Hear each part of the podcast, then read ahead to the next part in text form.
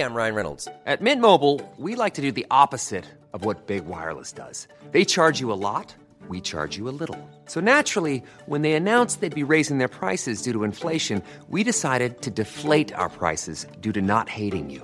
That's right. We're cutting the price of Mint Unlimited from $30 a month to just $15 a month. Give it a try at mintmobile.com slash switch. $45 upfront for three months plus taxes and fees. Promo for new customers for limited time. Unlimited more than 40 gigabytes per month. Slows. Full terms at mintmobile.com. I'm Sandra, and I'm just the professional your small business was looking for. But you didn't hire me because you didn't use LinkedIn jobs. LinkedIn has professionals you can't find anywhere else, including those who aren't actively looking for a new job but might be open to the perfect role, like me. In a given month, over 70% of LinkedIn users don't visit other leading job sites. So if you're not looking on LinkedIn, you'll miss out on great candidates like Sandra. Start hiring professionals like a professional. Post your free job on linkedin.com/people today. Burrow is a furniture company known for timeless design and thoughtful construction and free shipping, and that extends to their outdoor collection. Their outdoor furniture is built to withstand the elements, featuring rust-proof stainless steel hardware, weather-ready teak, and quick-dry foam cushions. For Memorial Day, get 15% off your Burrow purchase at burrow.com slash ACAST and up to 25% off outdoor. That's up to 25% off outdoor furniture at burrow.com slash ACAST.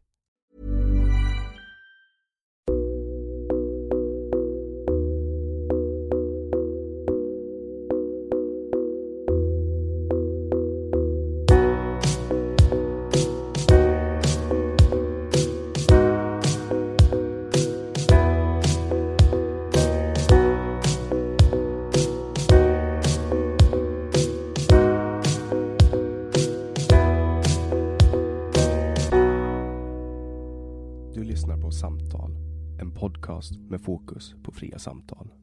Jag heter Jannik Svensson och producent för podden är Didrik Svan. Idén är att fokusera på fria samtal. Det här är ingen debatt eller någon form av duell där det finns en vinnare och en förlorare. Det här är ett samtal där vi lägger fördomar åt sidan och där målet är att minska polariseringen. Vi tror att öppenhet är grunden för det demokratiska samtalet och vi vill uppmuntra dig som lyssnar att välja att exponera dig för samtal med någon du inte håller med om, hur triggad du än blir. Vår podd består av långa samtal. Vi vill ha långa samtal eftersom vi då får chansen att verkligen gå in på djupet. Den här podden presenteras av Webax, hemsidor och innehåll. Mer om Webax kan du läsa på www.web.ax. Webb med två B. Jag heter Jannik Svensson och du lyssnar på podcasten Samtal.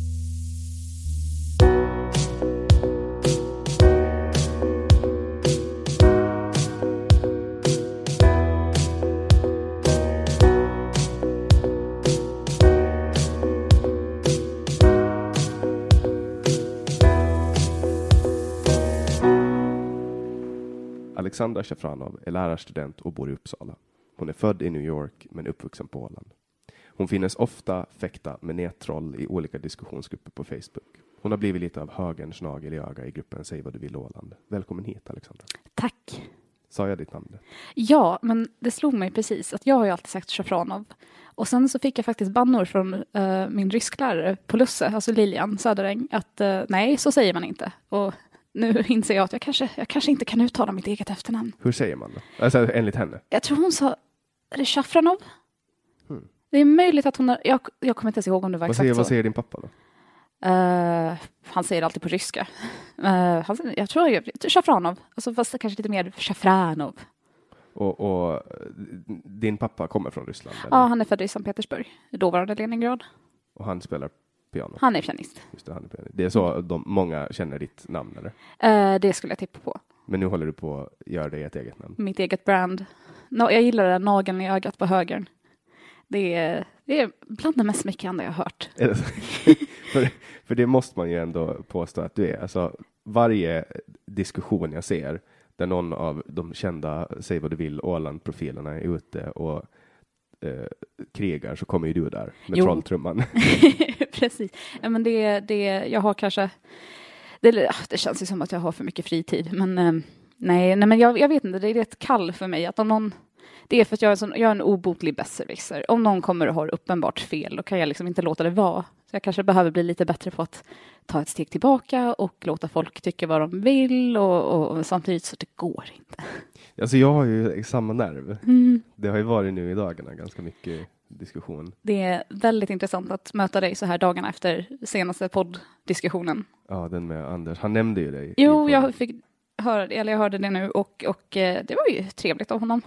Ja, det känns lite lättare att hantera eh, det krig jag för när, när man vet att det liksom inte nödvändigtvis med onda avsikter mot mig som person. Att vi kan tycka olika, men eh, det är ändå inte personligt. Var började din och Anders Uppgårds eh, beef? Det måste ju ha varit, det var nog i Säg vad du vill Åland och det var ju någonting med, ja men, ja, ja, han tycker inte om att jag är feminist. För jag tror inte han tycker om feminister överhuvudtaget. Det verkar vara, jag tycker ju att han har missförstått vad vi gör, vad vi tycker, vad vi säger och, och eh, tillämpar våra, det är som att, det kändes som att i Anders värld så har feminister någon slags superkraft som att de, kan liksom, de ska fixa allting och sen så när de inte fixar saker som inte berör dem så har de förlorat. Och jag förstår inte riktigt, så jag tror att vi bara har missuppfattat varandra som, som personer och, och, och varandras åsikter. För han sa ju i podden också att eh, ni hade diskuterat med varandra i privata meddelanden och, och kommit överens. Mm. Ja, men det var alldeles nyligen så fick jag ett meddelande från, från Anders och eh, nu kommer jag inte ihåg exakt i vilket sammanhang det var. Men det var ett väldigt trevligt meddelande. Är han, är han din värsta nemesis på Facebook? Nej, mina värsta nemesis på Facebook har redan blockat mig. Det är så? Ja, Ja. jag var för mycket i nagel i ögat på dem. Jag, jag har ju faktiskt, eh, jag har ju fram, fram till nyligen inte blockat folk på Facebook. Mm.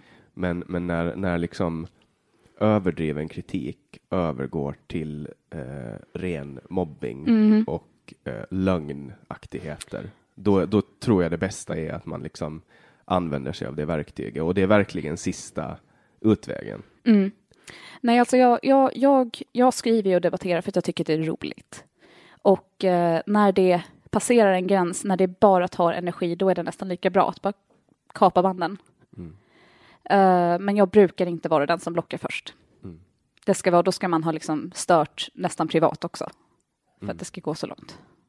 Jag, jag har ju fått, alltså min position har ju ändrats så mycket i, i debatterandet. Jag har ju varit en underdog och sen blev jag invald som reserv i lagtinget. Mm. Och då helt plötsligt så är man inte en underdog längre, även om jag blev utkastad Nej, efter sex veckor. Så nu håller folk, liksom, nu har kritiken alltså amplifieras massor. Mm. Så att nu, nu är, anser många att de har rätt att eh, vara elaka med mig, Mhm. men att jag inte får använda samma grepp tillbaka. Ja, nej, alltså jag tycker det är absurt.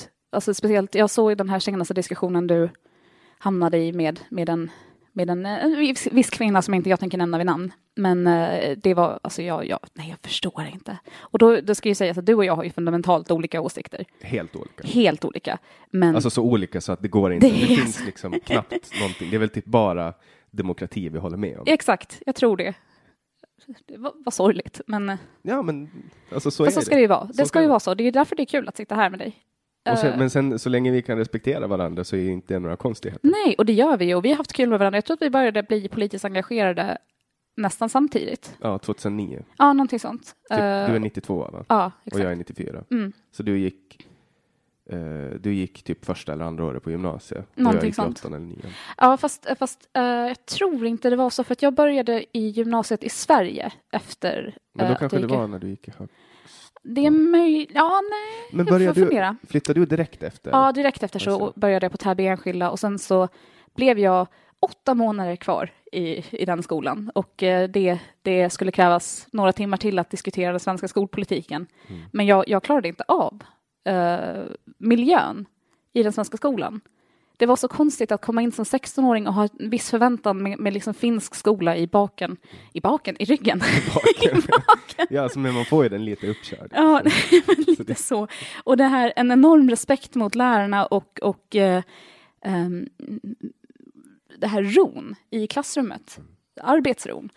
Och det var så stökigt och ingen lyssnade på läraren och, och det första hon sa på samhällslektionen, vår lärare, var att ja, men nu ska vi diskutera källkritik. Och jag bara, har ni inte gjort det redan? Var är jag? Jag har klivit in i någon slags twilight zone. Det är gru grundfundamentala skillnaden mellan läroplikt och närvaroplikt. Mm. Alltså du såg ju senaste PISA-undersökningen i Sverige. Va? Ja, det gjorde jag. Man hade plockat bort vad det 11 eller 12 procent. Ja, det är en höjning. Och, och normalt sett så klassas 3, mellan 3 och 4 procent som normalt. Så att det visar ju på att man, man till och med alltså, statistiskt försöker upprätthålla det här luftslottet om att svenska skolan funkar. Mm. Jag, jag tycker inte att den funkar. Det är intressant, jag skrev alldeles nyligen en tenta som handlar just om eh, skolans utveckling genom 2000 år. Det var en ganska massiv tenta. Jag kan tänka mig det. Är ett år i taget. Ja, nej, men det Tio var, sidor om varje år. det, var, det, var, det, var, det brukar kallas lärarprogrammets svåraste tenta. Eh, men den, ja, och då pratar vi mycket om man, man märker liksom när det börjar spåra ur och sen kan man ha skilda åsikter om, om det. Eh, jag, jag kan tänka mig att du kanske inte skulle ha något emot högerpolitiken som kom in och tog över. Alltså, jag, jag tycker ju, alltså, jag, även om jag är eh, väldigt mycket höger, frihetlig, liberal, så Mm. tycker ju inte jag att, eh, att det har funkat jättebra när man släppte skolan fri. Nej, Därför att eh, samhället var inte redo för det och de formerna man gjorde det under var helt liksom, det funkar inte. nej. och sen, sen är det ju så att det är de som, de som drar nytta av den, alltså det fria skolvalet, det är ju folk som är resursstarka. Eh, de som har en eh, god liksom, arbetsvana och skolvana hemifrån, kanske med eh, föräldrar som redan är lite högre utbildade och oftast pratar språket såklart, har ett annat nätverk i samhället än vad de som kanske skulle behöva, liksom, de som inte har tillräckliga resurser kan. Och det, då blir det ett utanförskap. Och jag tycker inte skolan ska fostra ett utanförskap. Men sen, sen, sen tror jag också att har man, har man en helt statlig skola, då kommer folk att istället för att skicka sina barn till en skola så kommer de att flytta. Och då Mm. sker en gentrifiering där, man liksom, där klyftorna ökar i samhället. Så jag, tro, jag tror att, att fria skolval funkar enbart i helt fria samhällen. Om du förstår vad jag menar. Jag förstår vad du menar. För att det, där, det är samma sak som att man skulle släppa alltså vilken marknad som helst fri, så blir det ju alltid kaos i början. Mm. Och, och eh, nu blev det kaos. Men, men det, det, det största problemet som jag ser med fria skolvalet, det handlar ju om indoktrinering som sker. Alltså att, eh, att alltså, Ja, ja, men du vet, en na- nazistskola till exempel. ja, det är gud. Alltså, det, det är ju, det, man får, och sen kristna fundamentalistskolor, eller kri- frireligiösa skolor, det är, är farligt tror jag. För att då bygger man en plattform där, där en grogrund för eh, för att alltså, när, när man liksom distanserar sig på det sättet, då tar man ett av, avsteg från samhället och då kan man inte bygga ett samhälle. Nej, precis. Vi har, det är klart att vi har en, en, en indoktrineringsåtgärd, hur vi ska säga det. Vi ska, ju bli, vi ska alla bli goda demokrater. Och det tror jag att du och jag är överens om. Att det är en bra Så, sak. så länge vi har ett demokratiskt system så ska vi, då, då, då bör vi också upprätthålla de demokratiska Exakt. grundpelarna. Ja. Men Och- jag tycker inte att public service är en demokratisk grundpelare. Ja, det, det vet jag. Bra. det är en annan, det är en annan, en annan diskussion. Men man brukar ju säga att det är en grundpelare, men jag vill exkludera den. Men fria val, hemliga val, hela den biten tycker jag är okej. Mm. Men sen vill jag också införa direktdemokrati. Jag tror att problemet med direktdemokrati, eh, om jag får tala i lite generella termer, det är ju att det kräver ju det sätter ju en del krav på folket. Jag tror inte tillräckligt många är så pass intresserade. Men det är lätt för dig och mig att säga att, att, att det är klart att vi skulle sätta in oss i frågorna för att du och jag är personer som skulle göra det. Jag tror inte att liksom, medelsvensson är tillräckligt intresserad. Men sen är det ju bara 50 procent som går och röstar. Mm. Eller var det 60 procent? Så att då kan ju de, kan, jag kan tänka mig att då skulle kanske hälften delta i arbetet. Men Mm. det är bättre att hälften deltar i demokratiarbete och att hälften inte gör det än att man bara får göra det en gång i år. Eller en gång vart fjärde år. Mm. Ja, men det är en intressant fråga. Och sen tycker jag också att, att folkets dom ska komma först på en skärm före parlamentet röstar. Så till exempel om man skulle ha ett, ett direktdemokratiskt inslag i lagtinget så skulle eh, den här klämmen om eh, eh, Gripebron och färjan, elhybriden, det var ju elhybriden, Mm. då, skulle, då skulle folket först ha fått gå in och rösta. De bara går in, identifierar sig med bank-id och så, och så kommer resultatet för lagtinget först Mm. och sen bordsläggs frågan. Och så får de tänka på saken och sen får de rösta. För då kommer inte de här sakerna att hända som, som har hänt nu. Att, eh, att det sker fundamentala klyftor mellan eh, folket och parlamentet och, och i förlängning regeringen. Mm. Jag är lite kluven. Alltså jag, jag tycker det skulle vara intressant att se om, det, om man fick upp folk och fick upp folks intresse för politik, om det kunde hjälpa. Samtidigt så, så är jag lite... Jag tycker att det har blivit mer och mer av en, en, en, liksom ett debattklimat där folk inte längre litar på experter. Nu säger inte jag att politiker alltid är experter, men, men, men det är ändå ofta när det kommer till sådana frågor så är det folk som ändå har satt sig in i frågan och jobbat och kanske just byråkrater som har suttit med sina papper i år och år och år som ändå kan frågan. Och jag, nu, nu svamlar jag bort mig lite tror jag. Men kollar man till exempel på det här med expertkunskap, Mm. alltså för att där, där kan man ju kolla på de ekonomer som, som innan bankkrisen Mm. satt och sa att nej men det här är bra, allt funkar liksom, det är inga konstigheter. Fanns ju finansexperter som sa att det här är på väg käpprätt åt Ytterst helvete. få, ytterst få. Alltså det är väl typ eh, Peter Schiff Mm. eh, och, och en, en handfull, heter han Peter? Han heter Schiff någonting i alla fall. Är det han som spelades av Christian Bale i den där? Eh, nej, Nej, vem var eh, det då? Nej, men han, han här, det var faktiskt eh, Kai Grissner som, som tipsade om det här när han var med i podden, det här talet. Det är Mortgage Banker Speech Mm. eh, på Youtube när han i en timme står och berättar för de här som höll på med de här jävla subprime-lånen och bostadslånen eh, att eh, det här kommer att gå åt helvete. Men folk trodde ju att, att det kunde inte hända någonting med banksystemet, Mm. men ändå föll det. Och det var ju bland annat staters experter som sa att men det här är bra, det här funkar. Så att, så att man kan, jag tror inte att man kan eh, alltså alltid lita på eh, det är så jävla svårt. Jag vet. Det är så extremt svårt. Alltså, man kan ju dra hur många exempel som helst där experter har fel. Mm. Men det är sant. Och det, och det, jag inser att jag får bita mig själv för att jag sa att politiker kan räknas som experter. För om man tänker på just som vi pratar om skolan. Där ska ju politiker helst inte ha någonting att göra tycker jag. Nej. Där är det ju lärarna och eleverna som... Och politiker har ju blivit en elitklass. För att det är ju alltid den intellektuella eliten. Nu har ju det börjat förändras. Alltså Donald Trump som är dum i huvudet, Boris Johnson som är dum i huvudet. Japp. Alltså sådana människor har börjat liksom komma fram nu för att folk är så jävla trötta på den politiska eliten. Alltså som innan, eh, innan eh, Donald Trump så var det ju helt, alltså helt eh, otänkbart att, att Obama skulle liksom sitta och kritisera folk på Twitter. Han skulle ju vara statsmannamässig och liksom, Precis. men, men sen kom Donald Trump och så bara välter han allting. Och då ser man ju att hela det politiska etablissemanget, det var ett kort, korthus. Som bara blå, så fort någon blåste på det så föll det. Att Men jag förstår inte riktigt det där. Trump tillhör ju eliten. Även om han kanske inte tillhör den politiska eliten så han hör ju till liksom så här, toppskiktet bland inkomsttagare. Det, ja, det, den, den kapitalistiska Ja, eliten. precis. Ja. Så, att, så att på vilket sätt skulle han ha mandat att, att drain the swamp? Han är ju en stor del av det. Jo, men, men inte den politiska eliten som, för att det finns ju liksom, kollar man till exempel på Sverige, Mm. då finns det ju, alltså så här, hur blir Annie Lööf centerledare? Ja, hon, hon börjar som 15-åring i CUF och så börjar hon liksom inom regionen och så kliver hon och blir ordförande på lokal nivå och sen kanske på regional nivå och så kanske hon kör lite ungdomens nordiska råd och så eh, kanske hon blir invald i partikongressen och så blir det liksom en lång, lång, lång väg. Och sen, sen, sen kommer hon upp, sen har hon varit en god kämpe och så kommer hon upp på riksdagslistan och där gör hon ett bra jobb, kanske får ett utskottsordförande och sen liksom så är det regeringsdags och då blir hon minister och sen säger man att shit, hon här är duktig och så får hon bli partiledare och sen statsministerkandidat. Men då har ju hon gått den långa skolan. Men sen kommer det folk liksom Eh, nu, nu är det ju svårt att ta Donald Trump som ett exempel, men mm, Jimmie Åkesson börjar också på det sättet. Men det är ju ett etablissemang. Det finns en väg man ska gå. Så här, vill du bli statsminister, då ska du gå den här vägen. Sen kom ju Stefan Löfven från ingenstans.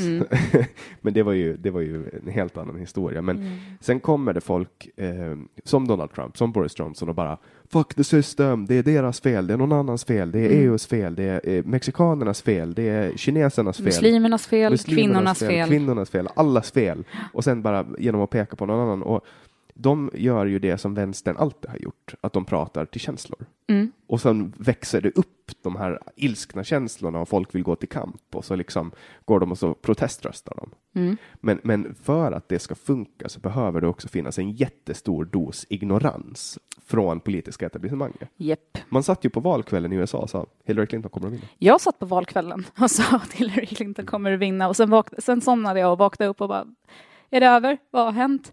Åh nej. Nej, jag, tror, jag tror inte heller att, jag, jag tänkte det här, det, här, det här händer inte. Det kan inte vara sant. Nej men liksom, så att de kan ju inte hata henne så mycket att de väljer Trump. Trump kan ju ingenting. Men det, är alltså, Men det Och- kunde de. ja, och sen får man ju tugga i sig att det är demokrati. Mm. Sen Ja, att precis. USA har världens sämsta system, det är Det är det sämsta systemet någonsin och det säger jag som amerikan. Eh, Det är ett ex- horribelt. Extremt dåligt system. Extremt dåligt. Jag hade inte, jag hade, min röst hade ju gått till Bernie Sanders. Eh, i primärvalen och, och eh, sen kände jag mig lite snuvad på konfekten ändå, men inte, jag tänkte väl att men Hillary är ändå bättre än, än Trump. Och sen ack, ack, ack, fick jag äta upp mina ord. Ja. Men vi får se. Jag tror inte att han kommer att bli att han kommer att försvinna vid nästa val. Mm, eh, hörs det inte, men jag knackar våldsamt på träbordet här. Ja, Eh. men det, det, det har väl typ nästan aldrig hänt. Att någon har, har liksom i mid-elections, eller vad, vad heter det? Heter det så? Ja men typ. Ja, Alltså nej men alltså nej, nu, nu, ja, ja du tänker så. Mid, midterm, men det blir, det blir liksom nästan, han är ju nästan klar jag, jag, med sin, med sin första period. Och, Ja. sen, och sen, det behöver inte bli en andra period. Så att jag Nej, vet inte men om man kan kalla det med, med Nej, men jag vet inte vad man kallar det, men alltså efter fyra år när det är val igen. Mm. Det är ju väldigt sällan en president bara, nej, inte blir omvald. mm. Ja, det, nu har det hänt. Inte, inte så mycket i modern tid. Inte som du och jag kommer ihåg. Och det här borde jag veta, för jag tycker om amerikansk politik och följer den. Men kollar man till exempel på hur många krig som har startats och, och hur eh, många fredsavtal som har ingåtts så har ju många tror ju att Obama var en ängel, men han var ju en, en krigsherre av rang. Han krigar ju på så in i helvete. Och, och eh, alltså eh, ekonomiska sanktioner och massa skit. Alltså, så att ko- kollar man liksom på, på det met, den mätpunkten så har ju Trump varit lite mindre inriktad på att fortsätta driva Bush-politik Ja, i Vita huset. Och det måste man väl ändå se som positivt? eh, mindre börsrelaterad politik. Ja, Ja, det är positivt. för han, var ju, han har ju verkligen rört om i den ekonomiska, världsekonomiska kistan. Ja, på gott och ont. Jag, jag tror inte att det har varit så jättemycket. Alltså, håll soldaterna hemma i USA, håll inte på att kriga i Mellanöstern. Vad fan är det? Ja, nej, det har ju inte lett till någonting. Nej, men det är så här, alltså hur, man har förstört en hel generation. hel generation och döda unga män som inte kommer liksom så här. Det är, alltså, men är det verkligen det? Har de ett, visst har de ett generationsglapp nu? För det är så många som har dött i strider. Ja, och sen också växt upp i total jävla paranoia. Ja, precis. Vi vet ju inte hur bra vi har det. Vi, vi är trugg, trugga, trygga i sinnet. Liksom. Så här, vi bor på fredens ö. Det, det finns ju inget bättre. Men he, hela, hela vår uppväxt har ju vi kollat på nyheterna och bara, ah, nu har det varit en bomb i, i Bagdad och Afghanistan är helt upp och ner och, och det liksom bombas och sen har det varit liksom, efter, när det var klart, så här, när det började lugna sig, då kom hela den här Gaddafi-grejen och arabiska våren och nu är det Syrien och liksom, nu är det bara att vänta på att nästa arabland blir attackerat. Liksom. Mm. I princip. Nej, och jag försöker, jag vet inte. Eh, Jag ska försöka att inte vara, eller jag försöker att inte ta in så mycket känslor i det, men, men jag, ibland så tänker jag att om folk kunde se bilderna från Syrien och tänka att det skulle vara Torggatan som låg sönderbombat så skulle man kanske ha lite mer sympati för vad folk går igenom. För att det, jag tror inte folk kan förstå om de inte varit i en krigszon. Jag tror inte folk förstår vad, vilka ärr det sätter. Och sen är det ju klart att folk kan hävda att på grund av ärren det sätter så ska vi inte ha traumatiserade människor här. Men det, fan, vad, vad ska vi låsa ut dem och ha dem i, ett, i, ett, i en zon i världen där de aldrig någonsin kommer få känna fred? Det är ju det är inte rimligt. Ja, det sitter ju x antal miljoner i, i flyktingläger Mm. nu utanför. Liksom. Men, men det viktiga fokus måste ju ligga på att, att stödja de här nationerna att få fred. Ja, få precis. bort, liksom, för att det är ju antidemokratiska krafter som, som föranleder. Definitivt. Och, och de här människorna måste ju kunna få leva i sitt land i lugn och ro. Mm. Men sen såg vi ju hur det gick när man försökte med demokrati i Mellanöstern. Ja, men precis. Det funkar ju inte. Hur ska man lösa det? Ber du mig läsa Mellanöstern-frågan? Ja, lös, lös den nu. Du har Lös fem minuter nu. på dig. Jag går och stänger fönstret. Lös eh, mell- Mellanöstern-frågan så länge. Paus. Har du löst Mellanöstern? Jag har inte löst Mellanöstern, men jag skulle gärna... det- Tänk om jag kunde vara den som gjorde det. Tänk om jag bara gav dig ett så fantastiskt och, och välformulerat svar att jag bara löste konflikten här och nu. Och så hörde man så här änglakör bara. Ah, halleluja! Så vad är du då? Pro-Israel eller, eller pro-Palestina? Bra fråga. Eh, jag är uppväxt i ett pro-Israel-hem. Eh, jag är för en tvåstatslösning. Jag vet inte om vi någonsin kommer få se det. Ingen jag... av de sidorna vill ju ha det. Nej, nej precis. Så här kommer jag ska vara fredsmäklare. Nej, men eh, jag, jag ser definitivt, alltså det är klart att jag ser behovet av att ha en, ett land där folk är som en själv. Alltså det är klart, jag sympatiserar med det. eh, av den enkla anledningen att, att, att jag har jag har aldrig sett ut som en ålänning. Jag har alltid haft ett annat konstigt namn. Jag har haft eh, konstigt burrigt hår när alla andra var blonda och rara och fina och eh, sådär. Och, och, och eh, bara att åka till Moskva för några år sedan och se människor som såg ut som jag och hade namn som jag och pratade som jag och eh, frisyrer som jag. Alltså det, det var ju så... Jag, jag, jag förstod inte vad jag hade gått miste om. Att inte någonsin se någon som såg ut som mig själv i, i mitt liksom närsamhälle. Och ändå så är ju Mariehamn grundat av någon som ser exakt ut som dig och heter nästan likadant liksom. Ja, eh, men eh, hon skulle stanna kvar. Vad säger jag? Nej. Hon skulle haft, de, skulle, de skulle kunna ha bott här istället, skaffa lite barn här. Det skulle kunna ha varit mer ryskt inflytande. För, för ryska Åland liksom. Mm. Det finns ju gamla ord som är kvar från att ryssarna var här och härjade på Ja. 1800-talet. Ja, precis. Durak till exempel. Ja, Dorak säger man. Mm, det kom- man säger Butska. gob, gob-durak, säger Mm. man. Det är det är en dålig sak. Jag fick nyligen veta att folk säger tjut Vad är det då? Det är så här, alltså lite grann, pyttelite. Mm. Eh, och för det säger jag på ryska jämt. Och sen när jag såg det i liksom, en ålänning skriva det i text, jag bara, hur kan du den frasen? How do you know? Men du pratar ryska Jag pratar ryska. Eh, och, det gör, gör det hemifrån. Det gör jag hemifrån. Men du läste ryska för att lära dig skriva ryska? Nej, jag läste ryska för att det var billiga poäng. Ja, det var enkelt. Ja, eh, men också för att, för att, för att eh, jag, även om jag talar flytande så är just skrivandet lite traggligt. Eh, och läsningen går bra, men jag vill ändå ha lite så, grundkunskaper. Plus, att det, jag, min ryska är ju väldigt nischad, för att den, den är ju baserad på vad jag och min pappa pratar om. Och det kan ju vara om, allt möjligt. Vi satt uppe till två igår och pratade om uh, invandring och politik. Det inte under på att jag är trött och svamlig. Ah, så jag har, jag har ju det här, ja, men, var var jag? men du, du studerar till ämneslärare Precis, och det är för grundskola och gymnasium. gymnasiet. Och var ska du jobba sen? Här på Åland eller i Sverige? Det skulle vara kul att komma till Åland om jag inte har gjort mig så många fiender via den här gruppen nu, att, att det inte blir tryggt och, och säkert att bo här. Men, men Åland skulle vara jättetrevligt att komma tillbaka till. För, för jag kan tänka mig att det kanske inte, alltså att det kanske är lite övermäktigt att tänka sig att man ska kliva in i ett gymnasium i Sverige. Ja, men samtidigt är det ju där jag får min träning nu. Eh, och jag har varit ute i skolor i Sverige och jobbat. ehm, och jag tycker det har gått bra med mina elever. Men det kan ju vara bakgrunden jag har fått av mina underbara finska lärare. Och åländska. För min fästmö har jobbat som skolfotograf Mm. ett tag i Sverige och de hade liksom, när de kom till vissa skolor så var det så här, de fick inte lämna sina grejer. Eh, alltså för att de blev stulna. Ah. De fick inte parkera sina bilar. Eh, de måste liksom parkera på specialparkering för de blev stulna. Alltså det var liksom kaos och slagsmål eh, och sen andra skolor så var de som ljus. Det var Mm. liksom, hon, hon, hon berättade om den här extrema skillnaden mellan förortsskolorna och sen typ Danderyd och, och de här. Alltså det var liksom, det var som att, att åka mellan två länder. Mm. Nej, men att- jag förstår det. För att det var sån extrem kulturell skillnad och beteende och allting. Så att ha, har man kraften att, att sitta i en skola som, som är i ett utsatt område så kan man säkert göra stor skillnad på många människors liv. Mm. Men frågan är om, om man orkar med, för det är ju Mm. väldigt många lärare som slutar och byter bransch. Ja. Uh, nej, men vi pratar ofta om det. Det pratar vi ofta om på programmet, hur vi ska orka stanna kvar.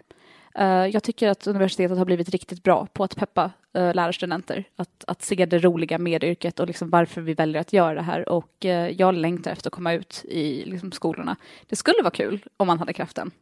Eh, jag funderar också på att stanna kvar en termin till och ut, bli utbildad specialpedagog, för att det är ett stort intresse. Och det behövs ju.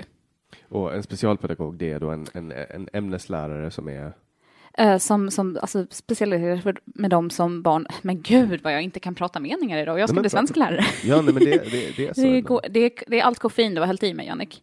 Det går så det så? drrrr, Hur mycket koffein har jag i dig då? Hur många enheter? Och en halv kopp kaffe, men sen tog jag också med mig en eh, 355 milliliters Red Bull, så det är kanske mitt fel också. Så det är väl typ tre, Skulden. fem, sex enheter kaffe. Någonting sånt. Så jag är lite stissig. Men en specialpedagog, men gud. Alltså det här är jätteroligt hur jag inte får ut en enda mening. Men det händer ju när man pratar med folk. Ja, nej men det gör det. Jag är sån här jämt. Det är, min, det är mitt största orosmoment att bli lärare, att jag ska prata alldeles för fort. Jag kommer inte lära någon någonting för att jag bara... Brrrt. Jag får inte dricka kaffe som lärare tror jag. Antagligen. Du får börja dricka te. Ah, gud, Du en sån där människa. Tänk att vara en sån där människa som bara, ja, jag dricker örtte och det lugnar mig och min själ. Ja, och så står de bara där och värmer handen. I sin mysigt. kofta. Ja, precis. i de har en kofta på sig och bara, det är bra teväder idag du. Och så har de så här batik. och så, nu tror jag att du blandar stereotyper. nej, men och så hänger det en så här eh, drömfångare runt. Nej men gud, åh. Jag tror aldrig, aldrig en människobeskrivning har någonsin gjort mig så arg. Som sagt, försöker att inte bli känslosam, men det där gjorde mig bara arg. Det... Och en rökelse. Åh nej. Ja, förlåt. Och, Alla, och alla, ska få vara på bordet. alltså, alla ska ju få vara som de vill, men eh, jag vill kunna peka och skratta lite grann. Jag tycker det är kul att driva med stereotyper. Ja, men det tycker jag också. Jag får ju ofta höra att, att, att ja, men, ja, feminister har ingen humor. Och jag bara, "Pff, jag har skitbra humor. Det är du som är tråkig. Ja, men typ, alltså, stereotyper som till exempel hipsterfotografen på Instagram. Har du sett, har Mm, du sett? ja, jag tror det. Extremt roligt. Det är någon som går runt och fotograferar hipsters i Stockholm. Ja, och den skriver så här jätteroliga beskrivningar. Ja, nej, det är fantastiskt. så att, jag, alltså stereotyper är, det, det är ett sätt för människan att, att kategorisera folk. Mm. Och, och man har ju kanske rätt på gruppnivå, men det skiljer sig alltid mera inom Det är grupperna. klart det gör. Det är klart Så det att- gör. Eh, nej, men det är klart, alltså det, och det, det, jag är helt med på det. Vi kategoriserar människor, det är så vi funkar. Det, det, vi alla har fördomar, alla har någonting som de behöver bearbeta. Sen är frågan bara, gör man det verkligen? Jag tror inte att alla gör det. Nej, nej, men, men sen, sen typ, alltså jag, jag kan ju ha fördomen, nu är du vänster, då antar jag att du är vegan till exempel. Mm. Jag är inte vegan. Nej, men, men, men det skulle, det är ganska nära, alltså, du förstår vad jag menar. jag förstår, jag förstår. Men alltså, det är... Och eh, jag är höger och då kanske du tänker att jag äter mycket kött. Inte nödvändigtvis. De, alltså, de benhårdaste veganer jag känner är typ neonazister. Och nu låter det som att jag känner neonazister, det gör jag inte. Men det finns, nej, men det finns alltså verkligen ekonazism, det är en grej. De är ju benhårda veganer och... och eh, Kapitalister. ja, Okej. Ja, jag är, och nazister. Jag, jag, och nazister. och, Jag är ju, ja men Hitler var ju vegetarian, så Mm. de kanske tänker så här att ja, men han hade, ja, men precis. men, men jag är ju eh, carnivore, jag äter ju bara kött. Bara kött. Ja. Ba, alltså aldrig typ potatis, sallad. Nej, nej, nej, Absolut. du äter bara kött? bara kött. Bara kött? Inget annat. Till frukost också? Ja. Va?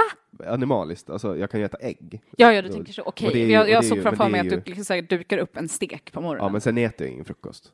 Ah. Så, så jag äter två mål om dagen och det är bara kött. Mm. Så att, men eh, det är carnivore, men det är bara för att jag mår bra av det. Mm. Så här, jag har alltid haft, jag har ju gått så här massa magutredningar och grejer Mm. ingen har vetat vad det handlar om.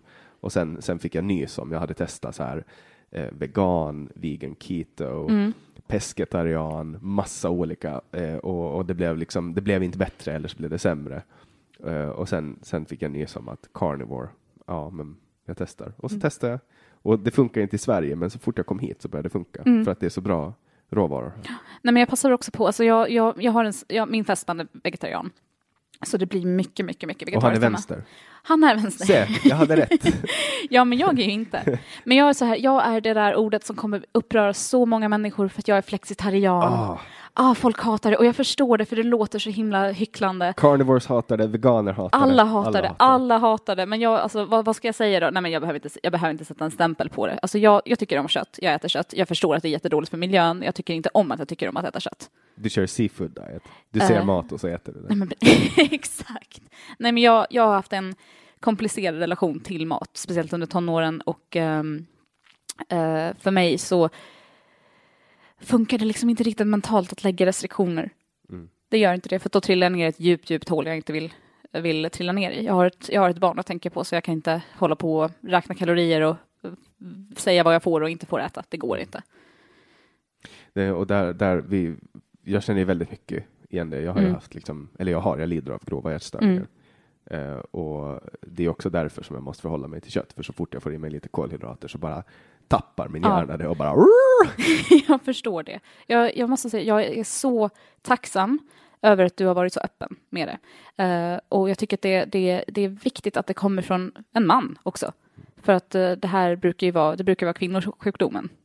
Eh, och det drabbar ju jättemånga killar. Ja, alltså jag, livet blir ju lättare, för mig i alla fall. Alltså, det är klart att folk, men alltså, när man är öppen med det, då fattar folk att Mm. de, de liksom ska inte hålla på och hetsa. Nej. För att nu, det finns ju fortfarande människor kvar i, i min omgivning som hetsar. Så här, varför äter du inte där? Och så här, varför lockar du bort potatisen? Varför äter du inte choklad? Men när man är öppen med det, speciellt i ett litet samhälle, Mm. då är det mycket lättare. Som när jag bodde i Stockholm, då var det ju folk hela tiden som ifrågasatt så här, men var, varför äter du? Jag jobbar på ett stort företag och då var det alltid ett snack om min jävla lunchlåda. Och det var så här, men lämna mig i fred, Mm. Ja. för helvete. Varför är vara." det så intressant för andra vad man äter eller vem man ligger med eller vad man har på sig? Alltså det, Det ju, nu, räckte det, nu, nu räknade ju upp Maslows behovstrappa, toppen av, av pyramiden. och det är väl det som är svaret. ja, ja men, men, men varför kan inte alla bara bry sig lite mer om sig själva och lite mindre om vad andra gör? Nej, Det, det, det kommer ju aldrig att hända. Nej, nej, vi är för nyfikna. Jag är själv skyldig. Jag är väldigt intresserad av vad andra håller på med, men jag försöker åtminstone inte skamma folk för deras val. Nej, och det, och det är ju liksom så här.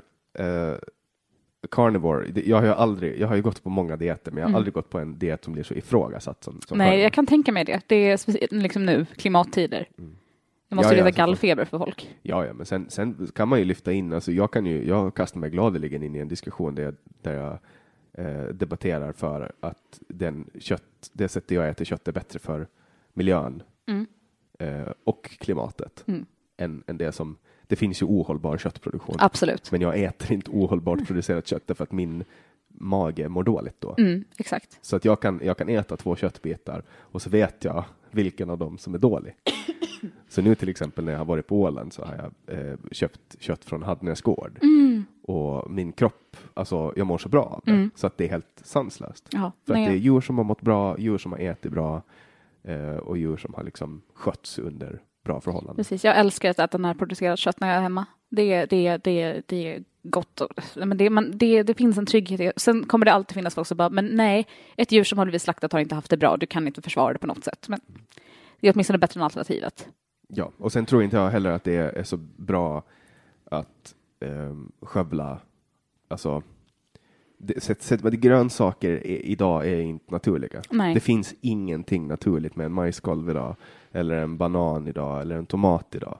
Om man, om man ska åka tillbaks 400 år i tiden och, och, och titta på deras tallrikar så ska man fan inte känna igen vad det var de åt. Nej. Man ska inte, man ska inte känna igen sma, smaken och man ska, det enda bestående skulle vara köttet. Liksom. Ja, kanske potatis. Ja, för 400 Nej, vänta, år du sa just fanns- potatis, du räknar med potatis. Men jag tänker att, Jo, men att 400 år sedan så fanns ju inte potatis. här. inte här, nej. Det har du rätt i. Jag sa fel. Ja, men det är någonting som kom liksom 1600-1700-talet. Före det åt vi ju, ja vad fan åt vi? Vi åt väl typ vete, men vete, Ja, vete typ är råg, Liksom, råg, ja. Och och bark. Det, bark, ja. Barkbröd. Ja, Men för det där är liksom, det här är ju en, det här är ett, ett diskussionsämne helt eh, för sig och jag Mm. har ju extremt mycket att säga om mat. mhm. Men, men jag försöker eftersträva eh, det som, som eh, människan har ätit under längst tid. Mm. Och det är inte potatis. och det är inte vetemjöl. Ja. eh, det är liksom, ja, det som går att hitta i naturen. ja. Kött. Kött, ja. Mm. Jag, måste, jag måste säga att Uppsala är också väldigt bra på att fixa närproducerat. Det finns många gårdar runt om, så att uh, försöker välja det. Men som sagt, har en sambo som är vegetarian så det blir mycket, mycket korn. Men tänk till exempel Los Angeles. Mm. Alltså, deras förorter är ju extremt stora. Mhm. Alltså, där finns det ju liksom folk som verkligen inte har råd med den, alltså de grönsakerna som finns. Nej, Alltså så att det enda de kan äta det är typ Kentucky Fried Chicken. ja men precis. Alltså- det, det, alltså det, det, det, det är fan inte rimligt att god och näringsrik mat ska vara en klassfråga. Och så har det blivit. Ja, nej men absolut. Och, och det är liksom skitdålig kyckling panerat med skitdålig, dåliga sädeslag, eh, kokat i skitdålig olja och så ska man liksom mata en hel generation med det. Är det fel att jag är hungrig nu? Det är lite fel. Nej, det är det inte. Ah, okej. Absolut inte. Men skulle du gå på eh, skulle du gå på sånt kött som jag gör så skulle du inte känna hunger på flera timmar. Men- Antagligen inte. Du får bjuda mig på middag någon gång. Ja, absolut. Eller lunch. Idag ska jag, idag ska jag eh, laga högrev. Oh, gott! Ja. Och jag tror till och med att jag har sett kossan som, som har burit den här biten. Jag vet inte om det hjälper mig eh, alls. Det, det, det, jag, jag blir för blödig. Jag kan inte, jag kan inte personifiera, alltså, det, om, om, om jag börjar tänka på livet djuret haft, så då, då kommer jag automatiskt bara, nej, jag är en hemsk människa. Jag satt, jag satt faktiskt i förrgår och pratade med min kompis som är bonde om Mm. det här. Och då pratar vi om, om det här med hästar till exempel. Det enda undantaget han gör med, med kött är att han äter inte sina egna hästar. Mm. De, de skickar han bort. Men i övrigt liksom med, med korna och allt det här. Han har ju sett sedan han var liten Mm. vad det med när de har slaktat och det är ju en så naturlig del Mm. av människans överlevnad. Så det är bara vi. Det, då fattar jag när jag satt i den diskussionen så fattar jag vilken jävla diskrepans det är mellan mig. Alltså jag skulle inte överleva en dag eh, om, det blev, eh, om det blev en apokalyps. Men han skulle kunna du vet, ta geväret, springa ut i skogen, skjuta ett rådjur, slakta rådjuret, hängmöra rådjuret och, och leva på det. Ja, Medan jag skulle sitta där med min iPhone och bara försöka ringa Miramar och pizza. Alltså, Ja, jag, kan relatera. Lite, lite. Men, men jag har, jag har som, som sambon är från Dalarna, så jag tror att han skulle kunna, han skulle ta hand om han det. skulle ta hand om det. Mm. Vilket är en jobbig grej att bara erkänna att, att jag skulle vara rådlös, jag stackars fruntimret, och min Men du man skulle skulle kunna- behöva fixa det. Det, du ska, det enda du ska kunna göra det är att debattera med folk som kommer för att ta ditt barn och bränna ner ditt Nej. hus. jag ljuger, jag är en jävel på att meta och fiska. Jag, Ja. har, lagt, jag har lagt nät med morfar hela mitt liv. Eller ja, alltså, jag, det gjorde jag fram tills att han gick bort. Så det är ju någonting. Det är någonting. Jag skulle, jag skulle, halstrad abborre skulle jag kunna fixa på ett nafs. Men tänk om hela abborrbeståndet dog ut och det bara fanns rådjur kvar. Om det bara fanns rådjur kvar. Då skulle det vara körd. Jag, jag, har någon, jag har en fantasi där jag plötsligt blir typ Katniss Everdeen och blir skitbra med båge, pil och båge, men, men det lär ju inte hända. Jag tror Ja, att jag överskattar mina... Drömkunskaper. skulle, skulle, det bli, alltså, skulle, skulle det bli typ kärnvapenkrig, då skulle ju folk slå ihjäl varandra. Mm. Alltså det är ju typ det som händer när kaos utbryter, att folk plundrar butiker och, och det är bara de med vapen som Det blir ju överlever. plundring i butiker för mindre än så nu. Ja, det räcker med att tågen står stilla. Ja, tåget till Gävle är fem minuter sent. Kom igen Britta nu! Nu jävlar springer vi in på 7-Eleven och hämtar vatten. Jag bara tar allt de har, alla nybakta bullar och kaffemaskinen. Och, Samhällskollaps! ja. det, är ju, det är ju på inkommande om man lyssnar på högern, Mm. som du slåss med, nationalisthögern. Ja, jag, jag, kan inte, jag kan inte relatera till den där hopplösheten som jag tycker jag ser hos högern. Alls. Och så säger de att vi är känslodrivna, vänstern. Mm. Finns det något mer känslodrivet än att säga att det är på inbördeskriget är på väg? Men det är ju den klassiska speglingen. Mm. Alltså, det är ju ingen som har rätt. Högern har inte rätt. Alltså nationalisthögern har inte rätt. Definitivt Och planekonomivänstern har inte rätt. Mhm. Nej men alltså, det, ingen har, alltså ingen, det, sanningen har ju aldrig varit eh, i en extrempol. Nej, Det, det finns inte. nej, det tror jag inte. Men det, det, det, det är kul att drömma. Exakt, och det folk förstår inte. Eh, jag, jag ser ju en utopi där hela världen är totalt fri Mm. och där det bara finns eh, negativa rättigheter. Mm. Alltså, nej, positiva rättigheter. Man har rätt att leva, man har rätt att äga, man har rätt att göra vad man vill. Jag kommer ju aldrig att få se det här samhället. Nej. Men, men jag kan ju ändå drömma om att få ha det. Mm. Och eh, då tar ju alltid folk upp så här när jag, när jag pratar om min utopi, då tar alltid folk upp och så börjar de liksom basha ner på allting som de tror att inte kommer att funka. Mm. Som jag kan tänka mig att folk gör med din utopi. Oh, gud ja. Och vad är din utopi? Matriarkatet. Nej, förlåt. Bara kvinnor som. Bara kvinnor. Alla män är förslavade. Eh, nej, nej, inte förslavade. Eh, men de kan väl få sitta i ett rum och tjafsa?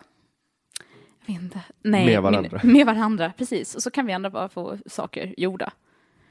Det här, det här, åh nej, det kommer bli rubriken. Alexander Shafranov vill ha ett matriarkat och vill försätta alla män i ett rum där de ska få tjafsa. Jag brukar ju inte vinkla. Alltså förut i början så gjorde jag alltid videos där jag tog ut en del av det de har sagt. Mm. Men det, tar så, det tog så mycket tid så jag bara bestämde mig för att sluta. Jag förstår det. Nej, men det här kommer väl... Men, min, men för att svara på frågan, min utopi, det är ett gemensamt samhälle där vi liksom hjälper varandra.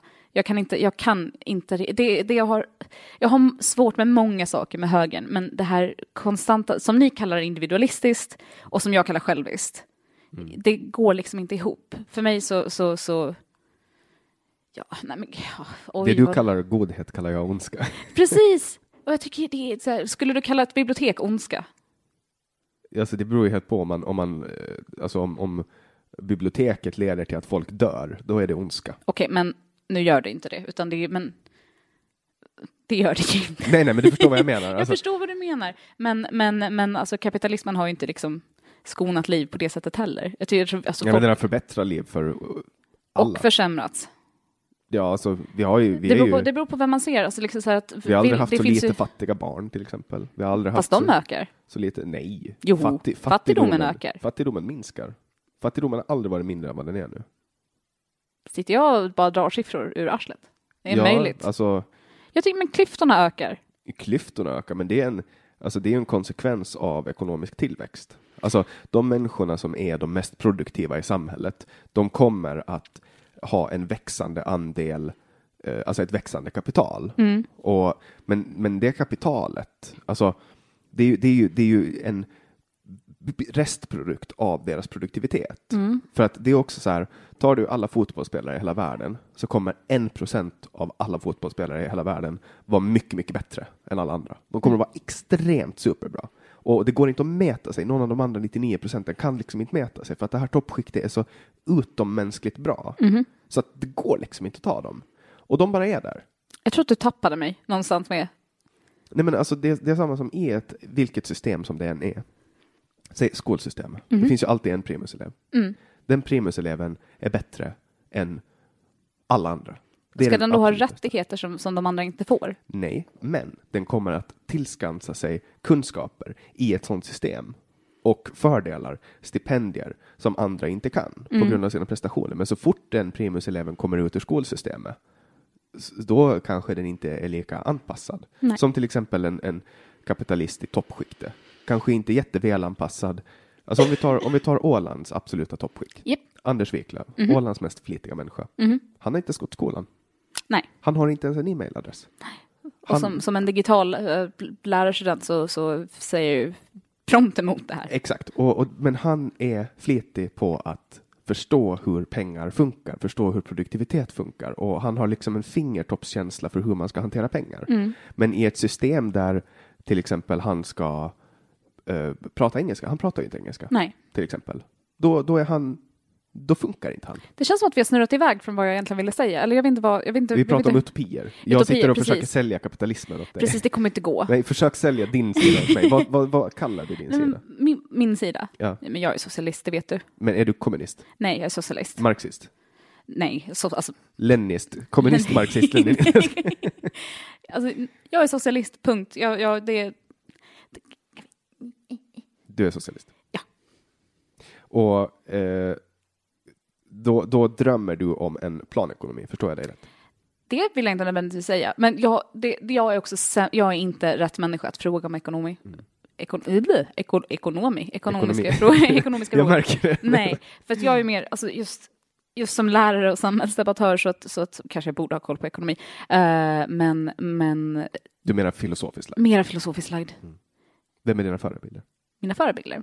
Min mormor, definitivt. Jag tror att du skulle ha tyckt om henne väldigt, väldigt, väldigt mycket också, för hon var ju liberal. Mm. Liberal ända in i själen. Uh, lämnade liksom så här tidningsurklipp som jag hittar liksom år efter hennes död, där, där hon eh, bara typ att ge till Alexandra och så är det så liberala debattartiklar Mm. med, som slutar med att ja, socialismen inte fungerar och sådär. Men, men då, då, inså, då är hon din förebild för att du insåg att hon hade fel och du... Nej, hon är min förebild av många, många olika skäl. Eh, men framförallt för att oavsett om vi inte höll med varandra så fanns det en sån enorm kärlek och respekt och så himla intressanta samtal. Och eh, hon var den som väckte min lust för skrivandet och eh, hon, utan hennes liksom stöd hade jag nog inte hamnat på den karriärsbana jag är på nu. Eller vågat kämpa emot när jag tycker att folk inte har rätt. Men du skriver mycket. Jag skriver väldigt mycket. Publicerar du dina texter någonstans? Eh, ja, eh, jag är ganska aktiv i, inom eh, tidnings, tidningskonventet i Uppsala, som är samlingen för alla nationsföreningars redaktioner. Och jag har nyss klarat av en termin som redaktör för litteraturstudenternas tidning Roten. Jag har varit väldigt mycket aktiv på Gotland Nations tidning Lammskallet. Eh, sen skriver jag mycket online. Eh, nu, nu har jag inte bloggat på ett tag, men när jag var gravid så bloggade jag som en galning. För det hör till. Skriver, skriver du debatttexter eller är det analyser? Eller? Mm, mer konstnärligt, lite essäiskt. Mest, det är mest ett sätt att, du vet, som folk målar, jag skriver. Det är liksom terapeutiskt på ett sätt som, som eh, ingenting annat slår. Publicerar du det du skriver? Ja, oftast. Alltså, tar man en, en riktigt lång Facebook-debatt Mm. och kollar på hur mycket man har skrivit så har man ju fan skrivit en, En bok. ja. Jag, vet, alltså jag måste ha skrivit flera böcker. Tack Tänk- vare Säg vad du vill, Åland. Tänk om man skulle få alla, alltså att man skulle kunna extrahera all text man har skrivit på Facebook på ett år och se hur många tecken det var. Gud vad mycket. Det skulle vara helt sanslöst. Alltså speciellt nu. Och så, alltså det, det. Men tänk bara i den där, eh, din senaste podddebatt som det Mm. blev. Där var det, var det 310 kommentarer sist jag kollade, det var för någon timme sedan. Ja, något sånt. Eh, jag måste ha stått för typ 75 procent av dem. Antagligen. Och Det är, så, Det- det är så det brukar vara. Så att, så att, och det har ju blivit... Och det är ju inga, det är inga korta kommentarer heller. Nej, jag tycker jag att bre på. Jag, jag, jag gör mig ju definitivt bättre i skrift än, än uh, muntligt när jag bara svamlar bort. Och, För det, det, alltså jag skriver ju lätt liksom 2000 tecken. mm, Utan problem. Mhm. Alltså på en, en kommentar. mm, absolut. Jag ska se hur, hur, eh, hur många kommentarer den har nu. Ska vi jämföra längd på våra kommentarer? 313. Alltså det är så många så att man hinner liksom inte, jag hinner inte kolla Alltså kolla igenom alla trådar, man får ju liksom gå ner på olika trådar. Mm. Men här ser man, här ser man, du har ju haft en betydligt mer publik debatt än min. Min blev så extremt nischad så att, Ja, men din var så konstig. Din handlade inte ens om debatten. Det var ju bara någon som hoppade in och bara typ ja, Jannik. Ja, alltså det var ju det som jag sa, att det här med, jag fick ju, där fick ju, den här podden fick ju kritik Mm. för att eh, samtalen är för långa Mm. och för att jag pratar för mycket. Mm. Och det är liksom de två sakerna som är konstanta i den här podden. Det är ju att det är jag som driver den. Jag, är deltag jag deltar i samtalet Ja. och att det är långformat. Ja, men du, det är ett samtal. Det heter inte Jannik intervjuar, det heter Jan, alltså ett samtal. Då, ska, då förväntar jag mig att du också är med. Du- Exakt, och, och det där, alltså, så här, personen som jag eh, debatterar med menar liksom hävda att det är kritik, Mm. men jag ser inte det som kritik. Nej, när, det det, är ju- när det är liksom åsikter om formatet. Det som du sa innan, Ja. Eh, innan vi började, så kom du med ett, en konstruktiv kritik. Du sa att det borde finnas staplar på vilka ämnen som behandlas. Mm. Och det är konstruktiv kritik. Precis. Det är en bra idé, det är någonting jag kan ta till mig. Ja. Det är knappt kritik. Det är ju bara det här, är ett- här är tips. Konstruktiv kritik. Ja. Alltså kritik som ges i syfte att förbättra en produkt i all välmening. Mm. Det är väl konstruktiv, Ja. det är min definition. ja, men precis. Men att säga att eh, formatet är långt, du pratar mycket, ja men det är inte, det är inte kritik för det är bara ett konstaterande, för det är så formatet ser ut. Ja, och sen kommer det här också från en person som, som redan tycker om att dra ner byxorna på mig offentligt. Mm. Och, och jag är sån, jag vet inte varför, det kan vara för att jag är en jävla besserwisser, men till exempel om du har alltid behandlat mig med respekt. Absolut. Därför har jag alltid behandlat dig med respekt. Exakt. Vi har aldrig haft en schism på Facebook, fast Aldrig. vi tycker fundamentalt olika. Någon gång när, kanske när vi var 17, men, då har, men knappt då. Ja, men det var då, det var då vi lärde oss Ja. hur, man, hur man gjorde och det var liksom, det var helt annorlunda. Det går inte att jämföra med dagens klimat. Nej. Men, men så här, sen finns det folk från, från vänstern som jag alltså total ryker ihop med. Mm. Och det är på grund av att alltså, jag, ger, jag speglar alltid. Mhm. Så här, om jag kommer in i en debatt och en person bemöter mig illa, då bemöter jag den på samma sätt. Ja, gud. Men det, och det, men det hör till. Det är som man gör. Alltså det, det, och det är därför den gyllene regeln är bra. Men eh, jag har märkt också att om jag går in med lite mindre taggar utåt så blir det ofta bättre. Sen är det ju folk som har gett sig fan på att, att ge sig på mig ändå och då spelar det ingen roll om jag är snäll eller inte. Men jag har försökt att åtminstone dra ner lite på man kan ju tycka att folk är dumma i huvudet men behöver inte säga det till dem varje gång. Nej, Nej men, men det är så här, det är också, jag, jag fick ju en, en kommentar blev ju reportad och bortplockad som jag skrev. Mm. Eh, därför att jag, jag skrev till den här kvinnan en analys av vad jag upplevde att hon gjorde. A- Att jag tillskrev henne attribut utifrån hennes beteende. Och det, det rapporterade hon och liksom fick bort. Eh, och, och det är liksom, eh, ja, tonen kan bli hård när jag debatterar. Ja. Men jag speglar alltid. Och jag vet inte, det kanske är fel. Jag har alltid varit sån öga för öga, tand för tand. Mm. Om någon har slagit mig, då har jag oftast slagit tillbaks. Mhm. Alltså, sån funkar. Jag vet inte om jag, jag vet inte, jag kanske är fellagd. Jag vet inte. Jag vet inte, jag är likadan. Ja, men för mig är det bara naturligt. För Ja. mig är det onaturligt att bara sitta tyst och förlåta någon. Ja, nej. Alltså, vad är det? Jag vill inte vara, samtidigt, man vill ju inte vara en långsint människa men när folk inte släpper denna attityden. Alltså om du har någon gett sig tusan på att du är en ond människa och det går inte att föra ett samtal med dig och du har de här åsikterna och så här. Då, och det är det de anklagar oss för att göra också. Mm. Och nu med, med oss säger vänstern. Men jag, Jag, jag älskar ju att spegla vänstern till exempel. Jag älskar ju att säga krossa socialismen till exempel. mm, jag vet. Därför att det, det, är så här, det är den perfekta spegeln. Därför att då, då skickar man tillbaka. Så att det roligaste som finns, det är när man, när man liksom använder det här kampspråket som vänstern använder. Och så säger man krossa socialismen, eller socialism är ondska. Eh, och så blir de arga. Det är så jävla kul, därför att det är ju de, det är ju vänstern som har kört med det här Ja, i hundra år. jag tror att folk har lättare att eh, sparka uppåt än neråt. Jag tror att folk hyser större sympatier för underdogs. Men, men vänstern är ju ett etablissemang. Mm, Kolla på Sverige liksom. Det är ju vänsterstyrt. Till och med när de är i minoritet så är, de, så är Sverige vänsterstyrt. För att Sverige är så van att bli styrda med eh, vänsterhanden. Men om man tänker västvärldens kapitalism, då kommer inte eh, liksom ett litet land som Sverige, det, det blir ju att sparka uppåt. Sverige har ju de högsta skatterna i Mm. hela världen. Och Sverige är det mest kollektivistiska, rent kulturellt, det är en åsikt för övrigt. Så, så, så svenska folket vänder ju samtidigt. Mm. Det händer ju inte att, det är ju inte liksom att det långsamt, långsamt börjar falla över folk till andra sidan, utan det är så här, man vänder alla bara whoop, samtidigt. Nej, så här, nu tycker vi så här. Mm. Nu är det så här det ska vara. Mm. Och, eh, och det gör ju per definition att vänstern är ett ett etablissemang och när man sparkar på vänstern så sparkar man uppåt. Men vänstern tycker att de sparkar ner eh, uppåt när de sparkar på kapitalismen. Mm.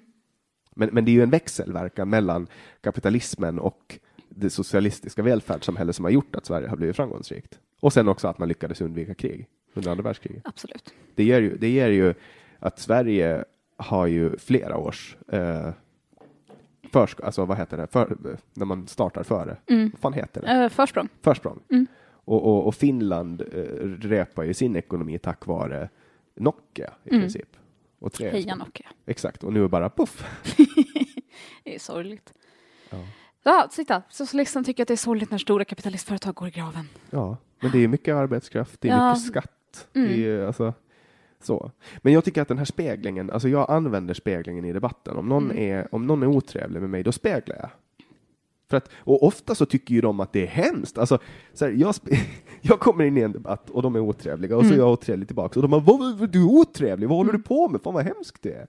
Det var ju samma som, det var, det var jätte, alltså, det, det är för enkelt mål, men jag skrev det här med jag, jag slänger mig ofta med, med krossa socialismen för att det är kul och då, då blir jag ifrågasatt av en person till vänster. Mm. Och han, han bara så här, "Vad- vadå krossa? Du, och så, här, och så börjar han häckla mig för det. Mhm. Och då länkar jag en, så här, en kampsång som SSU sjöng Mm. när de sjöng krossa sionismen. Ja. Och, och då blev det liksom så här, då, då förstod han Ja. att, att jag har speglat, men Jag förstår ju vad du gör. Jag, jag förstår också varför du tycker att det är kul. Eh, sen, sen hör det ju till att jag inte håller med. Mm. Hoppas jag gav en okej förklaring på varför jag inte håller med. Jag vet inte riktigt. Jag blir så missnöjd med mig själv. Det är så mycket enklare när man skriver och man kan rätta till sig själv och, och, och kolla vad det är man postar. Och sen, sen så tycker jag i sådana här situationer när man ska samtala med någon, om man vill göra ett gott intryck och man vill inte ge folk ammunition och bara, men Alexandra är dum i huvudet. Och sen blandas det med mitt koffeinsvammel och så hinner jag liksom inte tänka efter vad jag säger. Vem är din förebild? Eh, är du marxist? Nej. Men, men det, är bara, det är bara självmedvetenhet. Och det är Mm. det hela debatten går ut på. Man ska tvinga någon att bli självmedveten. Mm. Du är ju självmedveten. Mm. Om inte du skulle vara det, då ska inte du vara nervös i en sån här situation. Nej. För att du vet, liksom, du har, har hela tiden, vad ska man säga, kontakt med Alltså du, har, du rationellt utvärderar dig själv. Mm. Ja, men jag tycker det känns som att det är mycket som, som hänger på att jag inte gör ett förfärligt jobb. Jag vill, inte, jag vill inte bli sedd som en dålig representant för vänstern. Jag vill inte ses som en dålig feminist. Jag vill inte ses som en dålig mamma. Jag vill, och, jag vill inte igen, för det känns lite som att jag krigar ju mycket i Säg vad du vill Åland.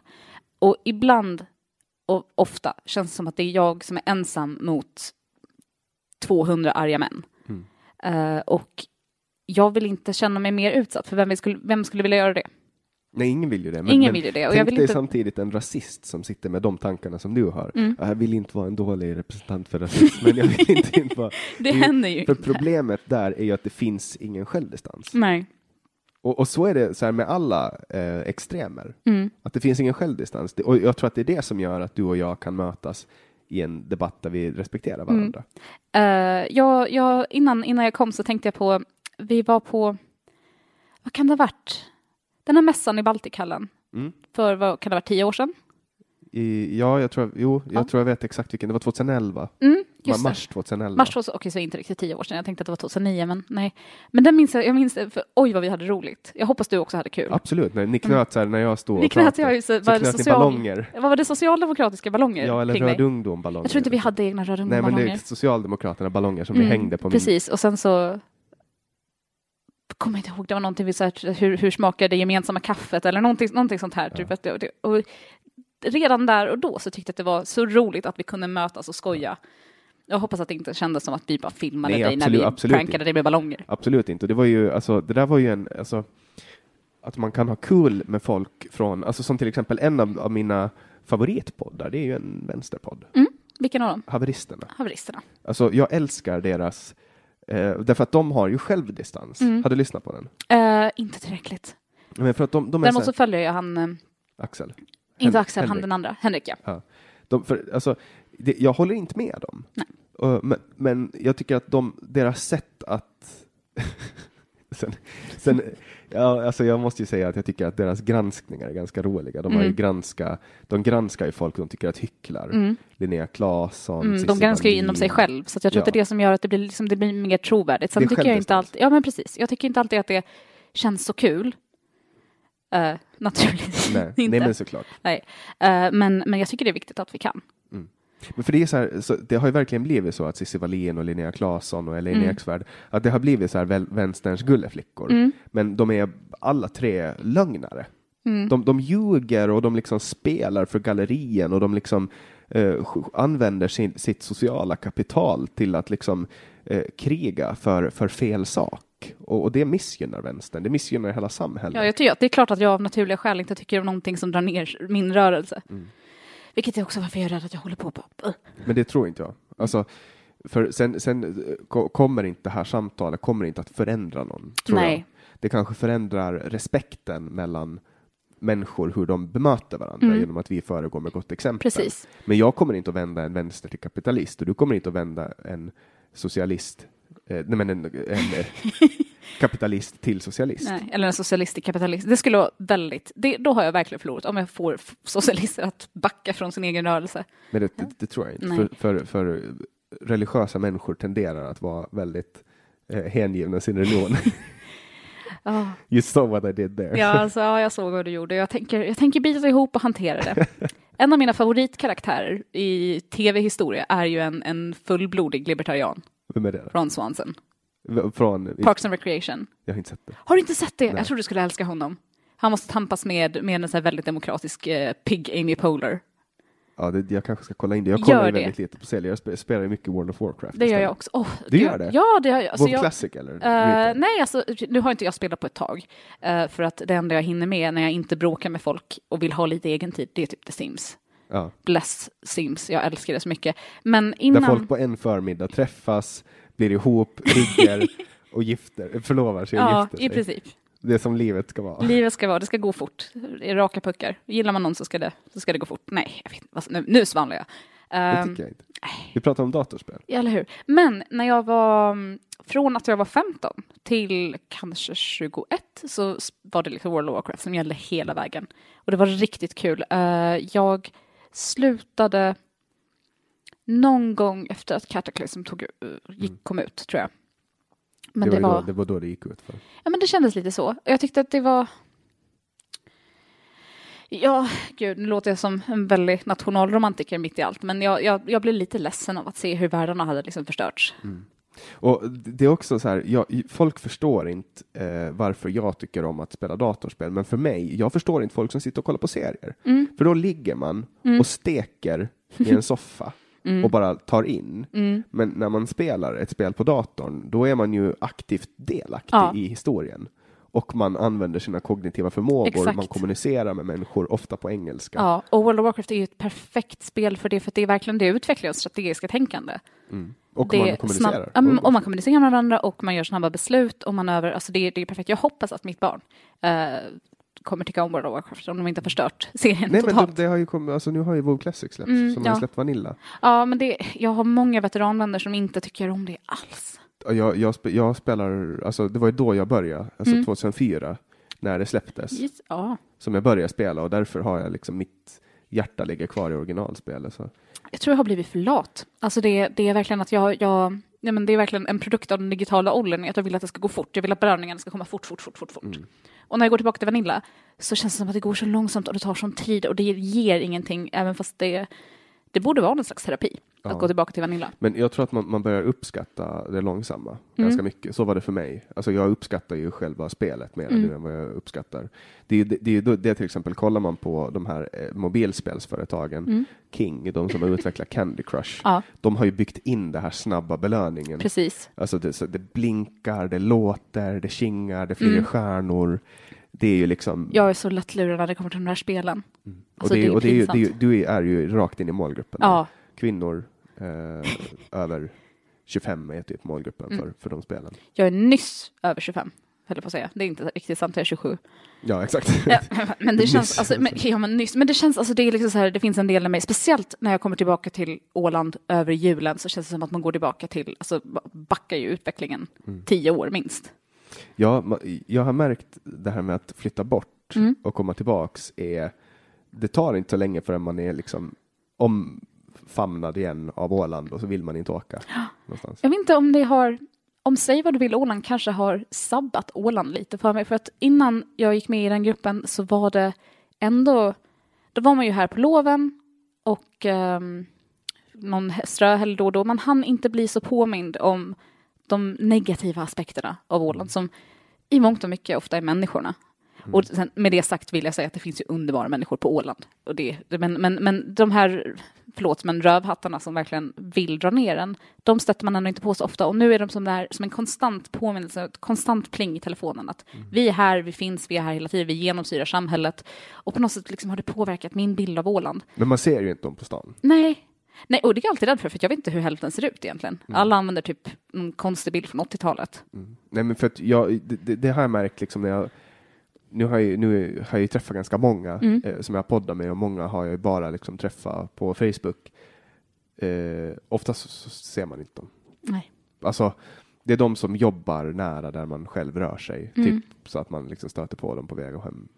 Men i övrigt nej. Men det är alltid så här, varje gång någon typ slänger en liten extra lång blick på mig när jag går förbi på gatan, så det kan ju vara jag som hittar på. Uh, jag är uppenbarligen väldigt självcentrerad. Eh, men, men då tänker jag att, ah, är det någon jag har kallat dum i huvudet? Brukar du kalla folk dumma i huvudet? Jag försöker att låta bli. Ibland blir jag bara så frustrerad över att folk inte bara inte håller med, för det kan jag, det kan jag uppenbarligen leva med, men när det, liksom, när det är en sån det känns ju som att det är en, det är en sån envishet, alltså en, en sån vilja, vilja att missförstå vad jag säger. Att jag tänker det här, antingen, antingen är det en fråga om intelligens eller så är det en fråga om alltså bara sån envishet att det Alltså det är helt, jag, jag, nu, det syns inte på, det, det, eller ja, det hörs inte att jag skakar på huvudet, men jag är helt såhär, ja, vad gör man? Men jag blir, jag blir liksom nästan mållös över hur mycket fil, folk vill missförstå. Det känns ja, så att de det- gör det med flit. Och så gör ju folk. Det är Mm. ju också en, alltså kollar man, alltså ska man börja bryta ner eh, de härskartekniker som vedras i Mm. diskussioner på Facebook så skulle man ju kunna liksom ta bara den tråden om, om ordet neger som jag skrev. Man Mm. får bara säga det i metadebatten för övrigt. Mm. Det är enda gången man får säga ordet det är när man diskuterar. Jag gör ordet. inte ens det då. Men jag, jag skrev ju en ordet men, Mm. men jag läste eh, ganska mycket länkar som kom och då, Mm. då stod det att språkforskare anser att enda gången som, som man får säga det är när man diskuterar ordet i fråga. Mm. Men eh, nu glömde jag min poäng. Vad höll jag på? Mm, vad var vi? Facebook-diskussionen? Ja, i de diskussionerna. Härskartekniker. Just det, härskartekniker. Eh, kollar man på, på de subtrådarna så ska man kunna göra en hel case study. På, Ja. på, man ska kunna ha en lista på alla härskartekniker så ska man bara kunna bocka av det. Ja. bock, bock, bock, bock. Alltså det, jag ser ju det här som ett projekt, liksom att bara förstå, inte nödvändigtvis förstå fienden, men förstå liksom hur folk tänker. Det är ett, det är ett perfekt projekt för det. Mm. Och sen så, sen så måste jag bara liksom hålla tillbaka mig själv lite grann, att inte ta för mycket energi och tid, känslor. Men enda gångerna som man egentligen kan vinna en, en sån debatt, det är när, när man har eh, folk som sitter och aktivt följer den och gillar Ja. kommentarerna. Ja. För då vet man vart det lutar. Precis. Det, det ska jag tillägga, så det här det kan vara bland en, alltså, någon av mina stoltaste ögonblick i mitt liv, är ju när, och det har hänt flera gånger, att folk har skrivit privat och tackat. Alltså inte folk som har rört sig i debatterna, alltså verkligen folk som man inte ens visste var med i gruppen, har skrivit och tack för att du skriver det här. Och det känns så himla underbart. Ja, man får ju bekräftelse. Ja, jo, jo, och alla älskar bekräftelse, men det är på något sätt så känns det som, för vi pratar ju om att vi inte kan omvända någon, men det kändes ändå lite som att någon lyssnar på vad jag säger och det, det, det kom speciellt ett mejl från någon som har radikalt skilda åsikter, alltså mer på högerspektrat än vad du är. Eh, liksom lite lyfta högerhanden och En nazist. peka, ja, Wow. och som tyckte att liksom, jag vet inte om det är att de håller så låg nivå eller om du faktiskt säger vettiga saker, men något är ju fel. Jag måste omvärdera. eh, när, när, något, när, liksom, när du får mig att vilja omvärdera mina åsikter så är det ju liksom, något har ju hänt. Och det var, ah, nej, jag, jag, jag ville typ rama in det mejlet. Såg du eh, senare-debatten? Uh, vilken av dem? Eh, det var en, en person som... som eh, Var det med hundarna? Nej, Nej? det var en person, det var några veckor sedan, så var det en person som, som skrev om en person, om en rom. Mm. Och, och så använde personen ordet senare. Mhm. Eh, och och då, då liksom startar en hel debatt kring det. Mm. Och, och den blev ju väldigt engagerande Ja. för många. För att just de här orden, alltså senare, neger, eh, det finns ju alltid de som vill hävda sin rätt. Mm. Men jag förstår inte, det är inte deras rätt. Exakt. Det, alltså jag förstår, alltså jag, det, det, det, handlar, det känns ju verkligen som att det handlar om vuxna människor som bara inte kan... Och jag undrar, en liten del av mig undrar, eller vill tro, att det handlar om att man inte vill öppna ögonen för att man kan ha gjort någon ledsen. Jag vill, jag vill hoppas att det finns, att det är en, av empatiska skäl man håller fast vid det här. För att jag, jag, vi kan ju alla vara, eller jag tycker att vi alla kan vara överens om att det här är ju skällsord. Det har blivit det, ja. Ja, precis. Det, var, det var inte från början. Nej, men det är ju det nu. Och jag, jag, jag kan inte relatera till att inte vilja vara så snäll som möjligt, sa det hon som just erkände att hon kallar folk dum i huvudet. Men, men ändå, alltså det... Men om de är det så tycker jag att man ska få säga det också. Vadå? Om de är det. Om de är det, okej, ja, ja. För då är de ju, det är ju någonting. Jag trodde du menade de här andra orden, skällsorden. Jaha, nej. Nej. nej. inte om, de är, det, då ska... Jag bara, nej men nej, nej nu. Krampaktigt tag om stolen. Nej, Jannik. Nej, du vet, du vet ju var jag står. Jag vet var du står. Det, men det hela handlar ju om att visa respekt. Exakt. För det där, handl- det där handlar om att, alltså, vad ska man, hur hur ska jag uttrycka var det kommer ifrån? För, för mig så är det mindre viktigt att det har varit ett, eh, att det är förtryckande ord eller att de används eh, nedsättande eller att de är liksom generaliserande. För mig handlar det om att finns det människor som blir ledsna över att man kallar dem det, då gör inte jag det. Nej. Blir du ledsen av att jag kallar dig rysse, Ja, då kallar jag dig inte rysse. fast jag, är- jag vet inte varför jag skulle... Jag, det är förstår vad- skällsord. Jag förstår, jag förstår vad du menar. Jag det, förstår vad du menar. kan, det kan vara ett skällsord. Ja, det var ju någon som listade så här, det var någon som listade många olika ord och det var konstiga, liksom så här, typ att ryss, finne, invandrare, bara inget av det här är skällsord. Så här, Det beror på vem som säger det. Ja, ju, ju, men kontext är ju allt. Ja, och, och det är så här, om, om jag säger så här, jävla rysse, stick från Åland, du har ingenting här att göra, Mm. jävla invandrarkryp. Ja. Alltså, då har jag just satt dig i ett, eh, alltså jag har ju laddat in det med Exakt. massa eh, invektiv Ja. och då blir det ju ett, och om du blir ledsen av det, Mm. då säger jag inte. Nej. Det är klart, menar, att- vem skulle inte bli ledsen av jävla ryss, stick hem. Nej men du förstår vad jag menar? Ja, jag Alltså, ja, men, precis. men jag tror att det där, där är problemet, för jag tror att många eh, tänker att så länge de inte sätt- sätter det tillsammans med alla de här invektiven så menar de väl. Men om det är ett etablerat skällsord så då kan man inte, det spelar ingen roll om du sätter jävla eller satans eller någonting framför eller bakom. För att ordet i sig är så negativt laddat redan. Och jag tror, inte, jag tror inte folk förstår det, för det, det tyckte jag framkom i debatten väldigt mycket, men jag menar inget illa när jag säger det. Och det, liksom här, det spelar ingen roll. Men sen använder ju folk de här orden hemma, Mm. i skyddade miljöer. Mhm. Och jag tror att det är den rätten de hävdar. Mm, Men då kan man ju säga vad, vad man vill när man är hemma. exakt. Alltså om, om ingen hör eller bara ens närmsta familj, då kan man ju liksom sitta och sig heila på skoj Ja. utan att det betyder någonting. Ja, precis. Och jag tror att det är den rätten de hävdar. För att jag tror, inte, jag tror inte att någon skulle gå ut och använda de här orden in the face. Nej, nej. Det var du som, nej det var någon som skrev, det var Simon som skrev, åk till New York och, och, Ja, och kalla folk för, Ja. för n-ordet liksom. Och se hur bra det kommer att gå. Det kommer inte gå bra. Nej, det tror inte jag heller. Nej, jag tror inte, någon, jag, tror, jag tror inte folk skulle göra det heller. Men, men pratar vi om vad man får säga hemma? För det är inte riktigt det. Och de, de säger det, det fanns ju folk i tråden som aldrig inte skulle... Alltså det kändes som att de vill säga det, punkt. Tycker Stefan Toivonen var inne på det. Alltså, men jag, tror, jag tror att det är rätten att säga det hemma som, som hävdas. För att jag tror inte samtidigt, och nu tror inte jag illa om folk, du kan få mitt glas vatten. Jag har inte rört det ännu, Okej. men jag ser att du har druckit upp ditt. Jag har druckit upp mitt. mitt. För jag dricker aldrig vatten. Jag har, jag har smörjat mitt munläder så mycket med alla de här timmarna diskussion. Du kan ta Eh, hela glaset, för okej, jag, har inte, kan jag har jag inte rört det. Liksom. men, Jag har ju suttit nu flera gånger i veckan ibland när jag spelar Mm. in många i sådana här två timmars samtal, så jag blir inte snurrig längre. smart. Jag blir snurrig direkt. Ja, I början så efter typ 45 minuter så var jag helt så här, men man vänjer sig med allt. Mm.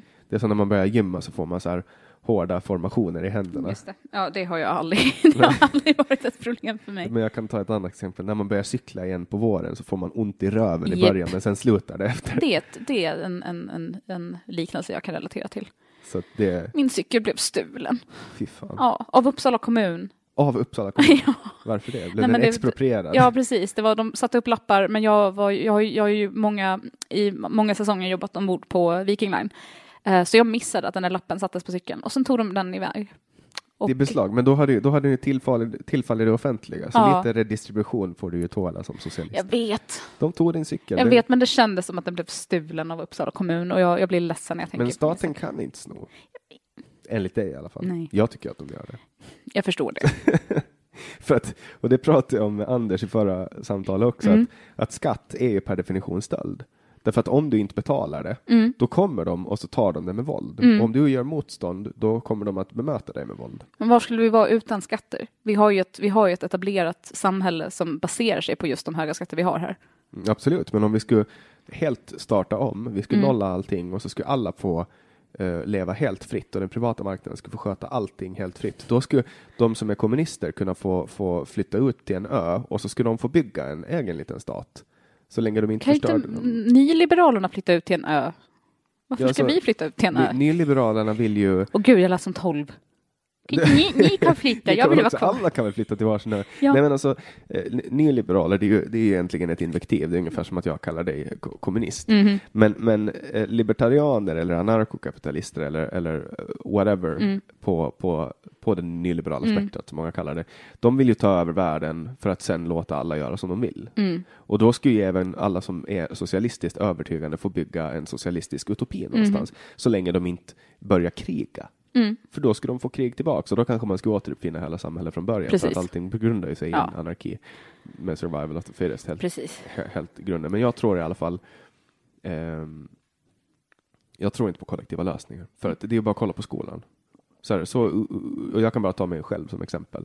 Jag passar inte in i skolsystemet. Nej, Inte överhuvudtaget. nej. Och det var många andra som gjorde det, men typ, alltså roughly 20 procent Mm. som föll ut på grund av att det är en kollektiv lösning. Mm. Och då kommer jag och tycker att med mer resurser till en statlig skola så skulle man kunna lägga mer tid på att hitta alternativa lösningar för de som behöver det. Och det här är någonting jag hävdar som någon som vill bli specialpedagog, att det inte, för att jag vet att systemet inte fungerar för alla. Jag hade behövt extra uh, stöd för att jag, liksom så här, jag var så trött på modellen själv. I högstadiet så gick det liksom, det gick dåligt. Och det var lite beroende på att jag umgicks med fel människor också. Liksom, alltså elaka människor. Men i min värld så låter det där som gör ett ännu större hål som vi kan häva ner pengar i. Jag, Mm. tycker, jag tycker att kapitalismen eh, ska få sköta det, därför att kapitalismen har ju en tende- tendens att uppfinna nya saker. Men konstaterar inte vi alldeles just att friskolereformen är ett misslyckande? Absolut, i ett socialistiskt system så funkar inte friskolan, därför att det kommer att börja utnyttjas av eh, religiösa friskolor som, som liksom tar in, och nu, har ju, nu kommer det till och med pengar från stater med icke-demokratisk grund Mm. som, som liksom gror salafism Mm, ja, jag vet. sånt. Alltså, det är det- fruktansvärt. Ja, det är absurt. Och, och det är ju också en konsekvens av, av att ha, försöka ha ett fritt system i en styrd stat. Mm. Men, men tar vi till exempel skolsystemets utveckling så tror jag på att digitala lösningar eh, med, om det finns ett vinstintresse så kommer eh, marknaden eller, eller personer, innovativa personer att ta fram ett artificiellt intelligent styrt system som lär sig alla unika elevers eh, starka sidor och dåliga sidor och, och baserat på om de är auditiva eller om de är visuella kommer, de, kommer den att kunna ta information och föra in den i människan eller presentera den för människan på ett sätt så att alla lär sig. Det här låter som skissen till en B-uppsats jag började skriva på, men jag, jag, jag ville dela in, alltså som en, alltså ett skolprojekt, att dela in elever i just auditiva, kognitiva. Uh, jag vet inte. Men jag vet inte. Jag ser, jag ser ju en modell där alla sitter i jättesköna så här puffar.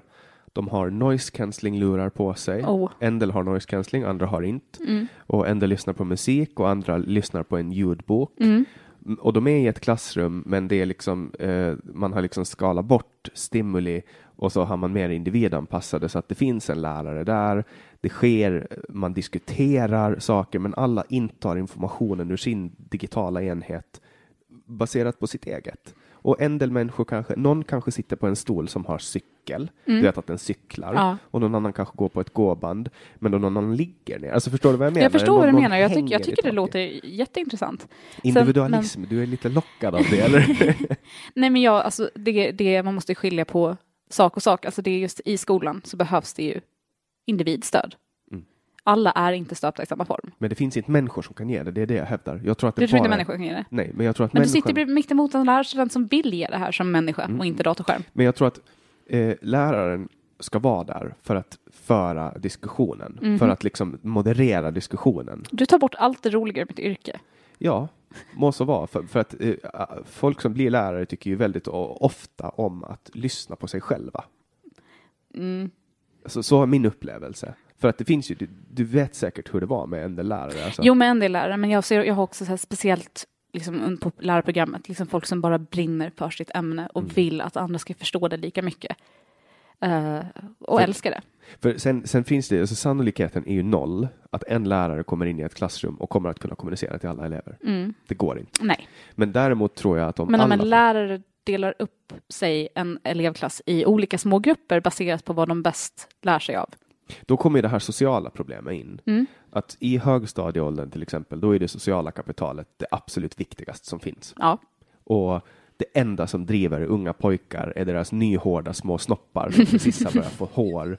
Och det enda de gör är att tittar på alla tjejer som precis börjar få bröst och det enda de bryr sig om är hur ska jag kunna vara nära den här tjejen? Och så leder det till att de börjar bråka med dem och så är, finns det här gapet mellan kvinnor, eller the gap, att, att kvinnor är mycket mer intellektuellt utvecklade än män och män är liksom så här, alltså man, man tar ju alltid bort det ur diskussionen när man på Mm. politisk nivå diskuterar ungdomar. Det här är ju för fan hormonstinnade jävla det kaosprojekt. finns en anledning till att jag inte vill undervisa i högstadiet.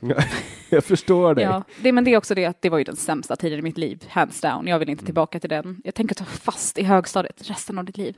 Fan. Nej, Nej, alltså jag har ju, det är ju så traumatiskt högstadie för Ja. mig så att jag har liksom eh, väldigt svårt att komma ihåg dem, så jag har liksom Ja, förträngt. nej, alltså, jag, jag kommer inte ihåg någonting. Men däremot, jag, alltså, jag, jag hyser den största respekten som går för högstadielärare. För att det är, det är, inte, ett, det är inte ett lätt last de drar. Det är de som, högstadielärare går ofta, oft, uh, var de mer sannolika att gå in i väggen än andra. Mm. Jag tycker synd om dem. Ja, men jag hade underbar, jag gick ju AHS, gjorde du det? Ja, vi Ja. gick i samma skola. Ja, men det gjorde vi. Du gick i nian och jag gick i sjuan. Just det. Och, då fanns jag gick- och du satt på niornas bänk och jag fick inte sitta där. Nej, jag är ledsen. Men de har tagit bort niornas bänk. Ja, De ja just det. Det var, ju en, det var ju en elitistisk grej Mm, som de bara, nej, nu ska vi ta bort den. ja. Och det var ju bara de coola niorna som fick sitta på niornas bänk. Då tror jag inte att jag satt på niornas bänk. Är det möjligt att jag gjorde det? Alltså, du, Jag var inte du, du cool i högstadiet. Du hade i alla fall rätt att göra det. Nej. Ja, men du gick i nian. Jo, men jag var inte cool. Det minns jag inte. Ja. Jag minns, jag minns det med en våldsam liksom. Samma klar. dag, samma dag som, som, eh, som man klev ut ur högstadiet så föll de luftslott som var sociala hierarkier. Mm. De bara upplöstes. Det var så skönt att bli av med högstadiet. Ja, och sen klev man in i nästa Ja. hierarki. Men jag, verkligen. Men, men, men fast jag måste säga det att, att, att ehm, när jag kom efter många om och men och började lussa, då hamnade jag i en underbar klass.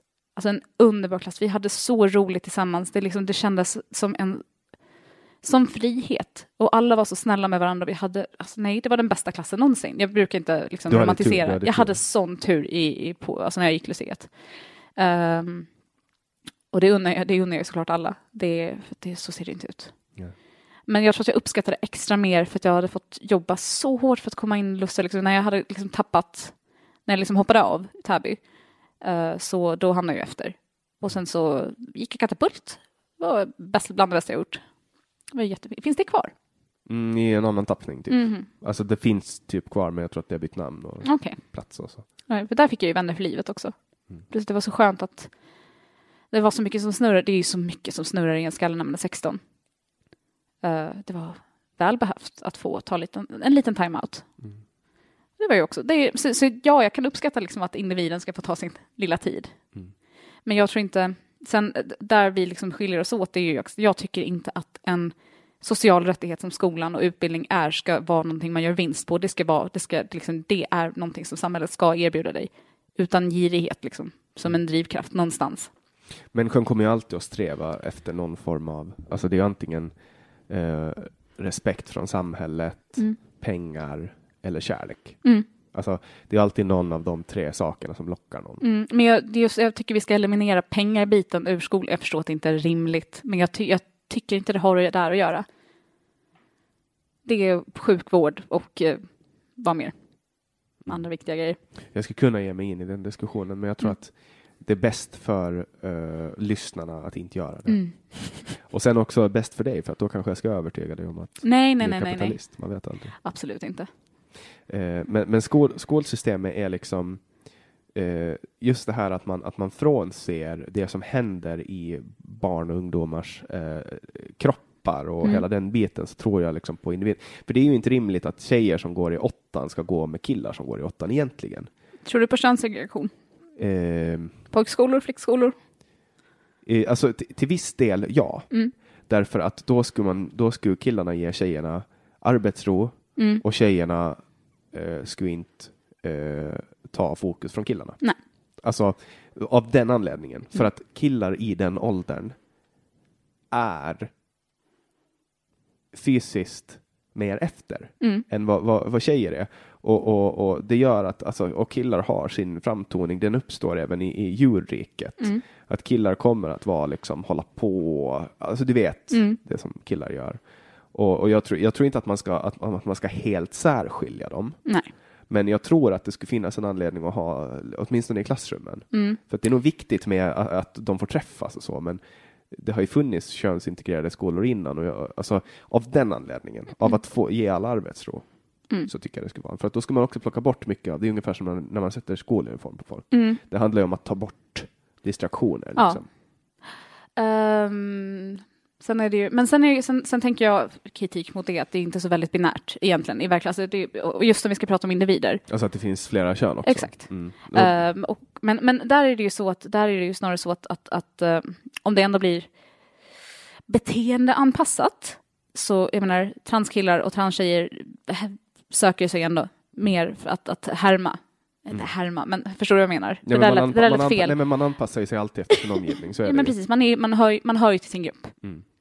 Eh, så, att, så att så länge det inte det pojk och flickklasserna eller skolorna skulle exkludera transbarn så Nej, men ju- då får man väl välja. Ja. Alltså, då, får man väl ta den klass man känner sig som så länge inte det stör den, alltså som till exempel att en, att en, en eh, kille, att det blir som det har blivit nu i, i sport, Mm. att, att män byter kön och så börjar de spela i en klass, i en kvinno, alltså som handboll. Nej, jag förstår. exempel. Det är konstigt, för att alltså, men det, det, och det, det är klart att transpersoner ska ha rätt att, göra, att, att utöva sport och Mm. göra det de älskar. För det är inte som att det är utomjordingar som inte, alltså, du förstår vad jag menar. Alltså, det är vanliga människor.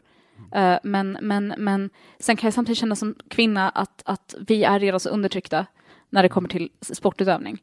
Att, eh, Men varför släppa in någon med manlig fysik i en sport som, alltså när man, ja, men anledningen... då skulle, vi- skulle vi kunna läsa om, om liksom, transpersoner bara fortsätter i... Man, nej. Nu svamlar jag bort det här tror jag. Nej, men jag, jag, jag, Förstår du vad jag menar? Alls? Ja, jag förstår vad du menar. Och, och jag tycker bara att det där är så konstigt. För, du har sett de bilderna va? Ja, jag har sett bilderna. Ja. Och det är så här, för att då är anledningen att man, att man segregerar till exempel fotboll Mm. och har kvinnofotboll och mansfotboll, det är ju inte för att man vill segregera dem. Nej. Det handlar ju om att en kvinna kommer inte att bli bäst i världen på fotboll på grund av att en kvinnas fysik är annorlunda än en mans. Så att, så att om eh, världens bästa kvinnor eh, och värld, ti, världens, eh, om världens tio bästa män skulle vara på ett fotbollslag Mm. och världens tio bästa kvinnor skulle vara på ett fotbollslag. Jag skulle vilja se den matchen. De, de, de, alltså killarna skulle sopa mattan. Det, det skulle, de skulle inte ha en chans på grund av att männens fysiska förmåga. Hade du sett så här när Zlatan står bredvid folk? Mm. Han är ju, han är ju en jätte. Mm. Alltså han är ju så stor så att om, om han kommer springande mot någon så, så, så liksom, även om, om, om man är ett berg så liksom måste man värja sig för Ja. annars kommer man att flyga. Mm. Alltså det- skillnaden är ju liksom, det finns ju en basal grundläggande skillnad. Så att har man växt upp med det manliga könshormonet Mm. och, och byggt en sån fysik och liksom byggt upp den grundmuskulaturen, den lårmuskulaturen eh, och sen byter kön Mm. genom, genom till exempel att man börjar in, introducera kvinnliga hormoner, Mm. alltså mera östrogen. Och, och, och kanske gör en, en, en operation, men då kommer man fortfarande att behålla grundmuskulaturen. Mm. Man kommer fortfarande att ha de förutsättningar som man hade när man drevs mainly av det manliga könshormonet. Och därför så försvinner hela den här grundidén. Därför, därför bör man också separera, för att grundidén med att separera folk, Mm. ta, ta, göra att män inte kan spela i kvinnolag, Mm. det är för att inte kunna ha en, en man kommer att ha en mycket bättre startsträcka. Men tar det motorsport till exempel, Mhm. där finns det inga Ingen skillnader. skillnad. Ingen skillnad alls. Och därför, därför är motorsport är ju någonting som inte överhuvudtaget diskriminerar män eller kvinnor. Nej. Men sen är det, det tror jag är strukturer.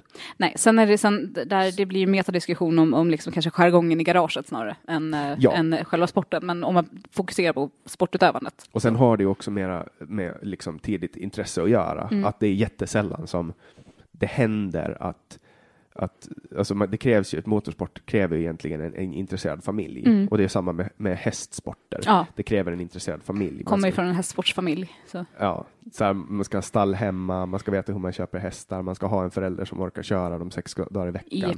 Och samma med motorsport. Och det är Mm. någonting som väljs tidigt. Mm.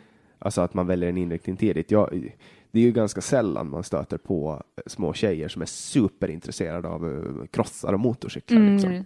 Sen matas det, jag ser det, liksom, jag har en son. Mm. Han får ju bara bilar i julklapp typ. Vi försöker kompensera med lite gulliga saker också. Mm. Eh, men ja, det, är liksom så här, det, det är klart att man, man fostras ju in i intressen också. Mm. Man får liksom säga, ja, men du är en pojke, här, ta en bil. Ah, flicka, här är en dockvagn. Ja, alltså det där är lite svårt. Jag har, jag har jättesvårt att, att kunna liksom se. Jag har ju två uh, småttingar i mitt liv, alltså Mm. min, min brorson och min brorsdotter. Alltså min, min brorson, han är tre år nu Mm. och jag kan liksom se hur han, han leker ju med gulliga saker, Mm. men han tycker att krokodiler, det är krokodiler och alligatorer, de, de är liksom, det är så här, han älskar dem. Mm. Och han kan liksom leka med dem och kramas med dem och så. Men sen tycker han om att titta på eh, krossar på Youtube. Liksom. Mm. Det gillar han. Och, och, och min brorsdotter, hon är mera liksom, hon leker med dockor och så. Tar hon upp en, en motorcykel så får hon ju då får hon sina fiskar varma. men men eh, jag vet inte hur det har blivit så. Men, men någon del i mig tror att det kan vara så att vi börjar öva på det vi ska göra på savannen Mm. redan när vi är små. Jag tänker så. Men med leksaker. Jag vet inte, det finns en... ehm, det finns, det finns mycket forskning gjort på det här och det finns ett klipp som eh, jag tycker om att dra upp i den här sortens debatt. Och det är när man tar in en liksom, fokusgrupp, eller vad man nu ska kalla det, men liksom här, som får komma in och leka med ett barn. Och det sitter ett barn omringat av massa leksaker eh, som är könskodade liksom både pojk och flickhållet. Och eh, beroende på hur man har uppfattat barnet, om man tror att det är en pojke eller flicka, så har man lite faktiskt pushat till, till, till, till en viss typ av leksak. Och sen för att eh, experimentet ska liksom få folk att tänka till så är det så att då har de ju klätt ut barnet till ett annat kön. Mm. Och eh, folk blir så riktigt förvånade över att men jag, jag trodde jag var ganska woke, jag trodde inte jag skulle göra det här. Men, men man gör det automatiskt. Så jag tror att det är en fostringsgrej. Jag tror inte att man föds Alltså, för att älska bilar mer än vad tjejer gör. Jag nej, men jag, jag tror att det har med, alltså kollar man till exempel på intressen Mm. så är ju män i allmänhet mer intresserade av saker som, som rör sig. Alltså av, av Du tänker så? teknik och tekniska Men, jag, saker. nej, men, ja, men jag, jag hävdar inte att det inte finns, att det inte finns den skillnaden sen. Jag bara tänker att det, jag, tror inte att, jag tror inte att det är så medfött som vi tror. Jag tror att vi får så mycket omedveten fostran från samhället omkring oss och, och pojkar kanske tittar på äldre män och ser vad tycker ni om, vad gör ni, hur blir jag en man som ni och vi tittar på kvinnor, hur blir hur, hur, hur är jag kvinnlig? Är jag okvinnlig nu? Och vi får höra, så säger, gud, tjejer får höra väldigt mycket, nej men så där gör inte en kvinna. Mm. Ja, men det, och det, det tror jag också att, alltså, eller det vet jag ju, så är Mm. det ju, men tar man en scen ur mitt eget liv så minns jag från Nyängens dagis någon Mm. gång i slutet på 90-talet. Jag var väl fyra kanske. Mm. Och min storebror var fem och vi gick på samma avdelning och vi skulle laga drakar Mm. som man flög med. Mhm. Och så skulle man skicka med, alltså skulle föräldrarna skicka med plastpåsar och så att man kunde laga dem. Och då hade mamma liksom så här kommit på det precis när vi skulle åka. Så hon hade liksom bara ha- hafsat ihop en påse. Det var en kantarellenpåse Mm. och så var det en blommig påse. Mhm. Och så skulle vi laga de där drakarna och då hade mamma tråckat ner det i min ryggsäck. Mm. Och så skulle jag ta upp påsarna och då tog jag kantarellkassen till mig själv och så gav jag den blommiga till min brorsa. Mm. Och då satt han där och bara började gråta för Nämen. att han skulle ha en blommig kasse. Liksom. Och, och han vågade inte säga det till någon och då fick han laga en blommig kasse. Och då kände jag, jag kommer ihåg det är typ första gången jag kände extremt mycket medkänsla. Jag kände så mycket medkänsla att jag ville börja gråta. Så det här Ja. är på ett sätt ett traumatiskt minne för mig. Eh, så jag erbjöd mig att byta Mm. med honom, att han skulle få kantarellkassan och jag skulle få den blommiga, men han ville inte göra det. Men, men, men det var liksom så här, det var en så stark grej då. Mm. Vi var fyra och fem, Mm. men han visste att det här var så mycket tjejigt Ja, med blommor. ja, Att det blev en skam. Ja. Och det, det, och det, det, ju, måste ju vara upplärt. Ja, det är Ja. absolut, absolut. För att jag menar, För jag menar, det finns ju trädgårdsmästare som är män och liksom, ja, det är ju det skitmanligt. är och, jättekonstigt att, att det ska vara en kvinnligt kodad grej. Men, men det, det, det tror jag att det är någonting som, alltså att man har sett att tjejer har blommiga klänningar och Mm. killar har. Ja, men liksom. precis. Men det är, vi är tillbaka på individgrejen. Individanpassning. För att jag, folk, det, det, en av de främsta kritiken man får när man säger till någon att man är feminist, det är att "Åh, ni vill att alla ska bli hens och ni vill att alla ska ha samma saker på sig. Och jag bara, det är liksom, det är ju så långt bort från sanningen man kommer. Det är väldigt generaliserande. Det är ju men det, det är inte bara generaliserande, det är totalt felaktigt. Det är, vi vill ju liksom att, vill du som kille ha en blommig drake att flyga med, det är klart att du ska ha en blommig drake, det är inte nödvändigtvis liksom här, fel för dig bara för att du råkar ha en snopp. Mm. Det är så märkligt, jag tycker det är absurt. Så det, det, handlar bara, det handlar om mer valfrihet, inte mindre. Men sen, sen kommer ju alltid den kritiken, Mm. precis som du nämner att ja, men du vill att liksom ta bort kön. Det är ungefär också som den här lingvistiska eh, debatten kring ordet hen. Mm. Jag, när den pågick som mest för fem, sex, sju år sedan. Mhm. Jag tyckte att det var skönt att ordet hen kom, därför att det gav mig som skribent, jag jobbar på tidningen då, det gav Mm. Precis. mig en frihet att kunna istället för att skriva om Mm. texter, för att vi fick ju alltid så här, man kanske fick en dom eller någonting som man skulle skriva om eller man skulle anonymisera någon och då fick man liksom skriva personen i fråga. Ja. Alltså att man fick hålla på så, hålla på och vrida och göra det blev ett klumpigt språk. Men sen när hen kom, då blev det ett en könsneutral benämning. Ja, Och jag tycker att det är smidigt att Det är ha smidigt. en könsneutral. Men folk tror när man använder ordet hen att man tar ställning för att människor ska kunna få radera sitt kön. men det handlar inte om det. Det handlar alltså, jag, alltså, jag, jag tycker, jag håller med dig, det är smidigt i text när man håller på. Jag, jag uppskattar det väldigt mycket som skribent. Men också bara, bara tanken på att någon kan få kalla sig någonting som den gör att dennes liksom livskvalitet höjs. Det är en sån liten uppoffring. Jag förstår inte liksom så här rabaldret kring det.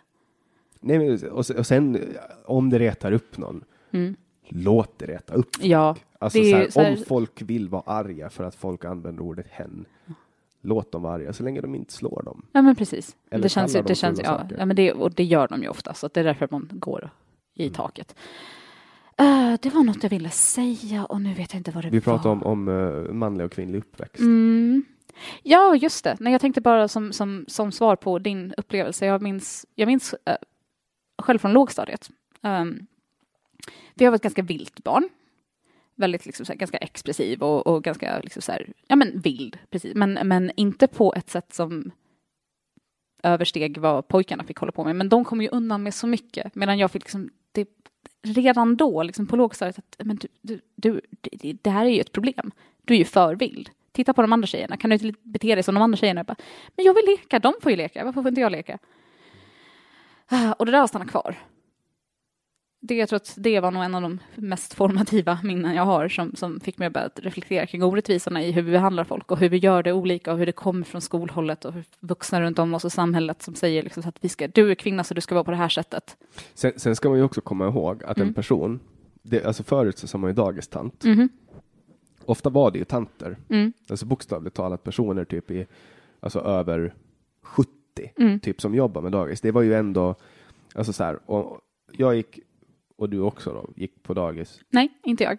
Du gick inte på dagis? Nej, jag, jag, jag flyttade hit, eh, vad blir det, 98, 99. Och eh, då började jag skolan direkt efter. Okej. Mm. Men, men så, så jag gick på, på dagis i eh, slutet på 90-talet. Mm.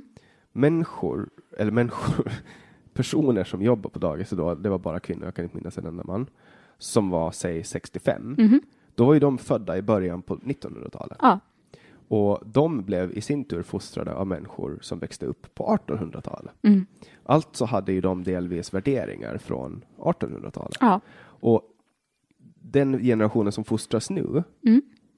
har ju ändå brytit sig på något sätt för att informationsteknologin har ju möjliggjort att vi kan samla in information från andra ställen än, än bara de människorna som fostrar oss. ja. Så att därför tror jag att det här är en brytpunkt. Du kommer ju inte att vara en lärare som har blivit fostrad av någon som har blivit fostrad på 1800-talet. Nej. Absolut inte. Och det tror jag att kommer att vara en jättestor skillnad. Jag hoppas det. Jag och därför det. kommer den här debatten att blekna när folk, för att alltså, de som är mest arga på det här med hen och liksom transpolitik, eh, det är ju Med människor, genus. ja, och genusvetenskap. Det är ju folk som är ja, men, över 50.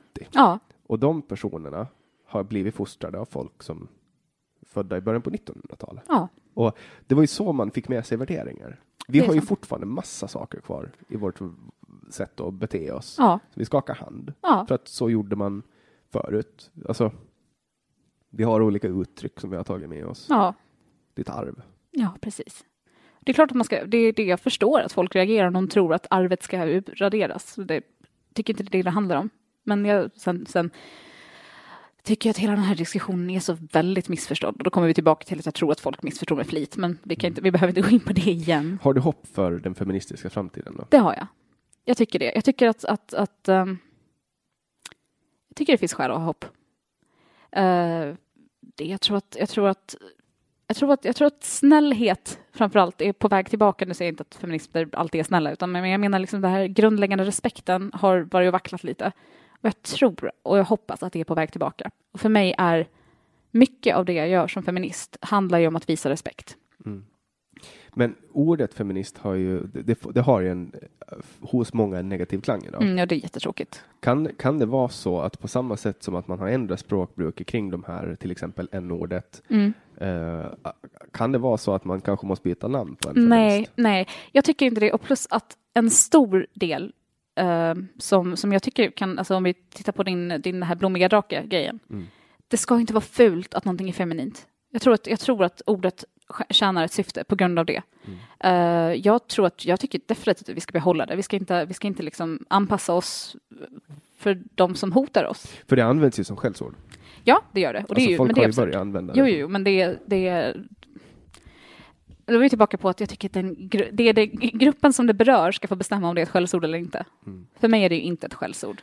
Hur mycket skadar den extremism som finns inom feministrörelsen övriga feministrörelsen? Jag ser ingen extremism. Vill du peka på ett exempel? Alltså, det exempel man brukar ju ta, eller som man brukar ta, som folk brukar ta, det är ju typ att den här grund, eh, grund en av grundböckerna inom feminismen, Mhm. hon som sköt, eh, vad hette han, Andy War, Ja. alltså hon skrev ju The Scum Manifesto. Ja. Det är ju en ganska, Solanas. hette hon så? Valerie Solanas. Ja, exakt så Mm. hette hon. Eh, hon var väl ganska extrem. Mm. Alltså hon trodde väl typ på eh, separ- alltså könsseparation och på ett matriarkat. Nu Mm. har inte jag läst den här boken så jag vet inte. Men Det kan vara värt att göra det. ja, jag kan tänka mig det. Jag, jag, jag, jag bara tar det som ett exempel för att det är det jag har eh, uppfattat att Mm. är klassas som ett segment av extrem Okej. rörelse. Mm. Men bemöt gärna det, belys mig. Skammen. Ja, alltså det, vad jag, vad jag tycker. Nej, jag vet, alltså så här, det här är lite förenklat.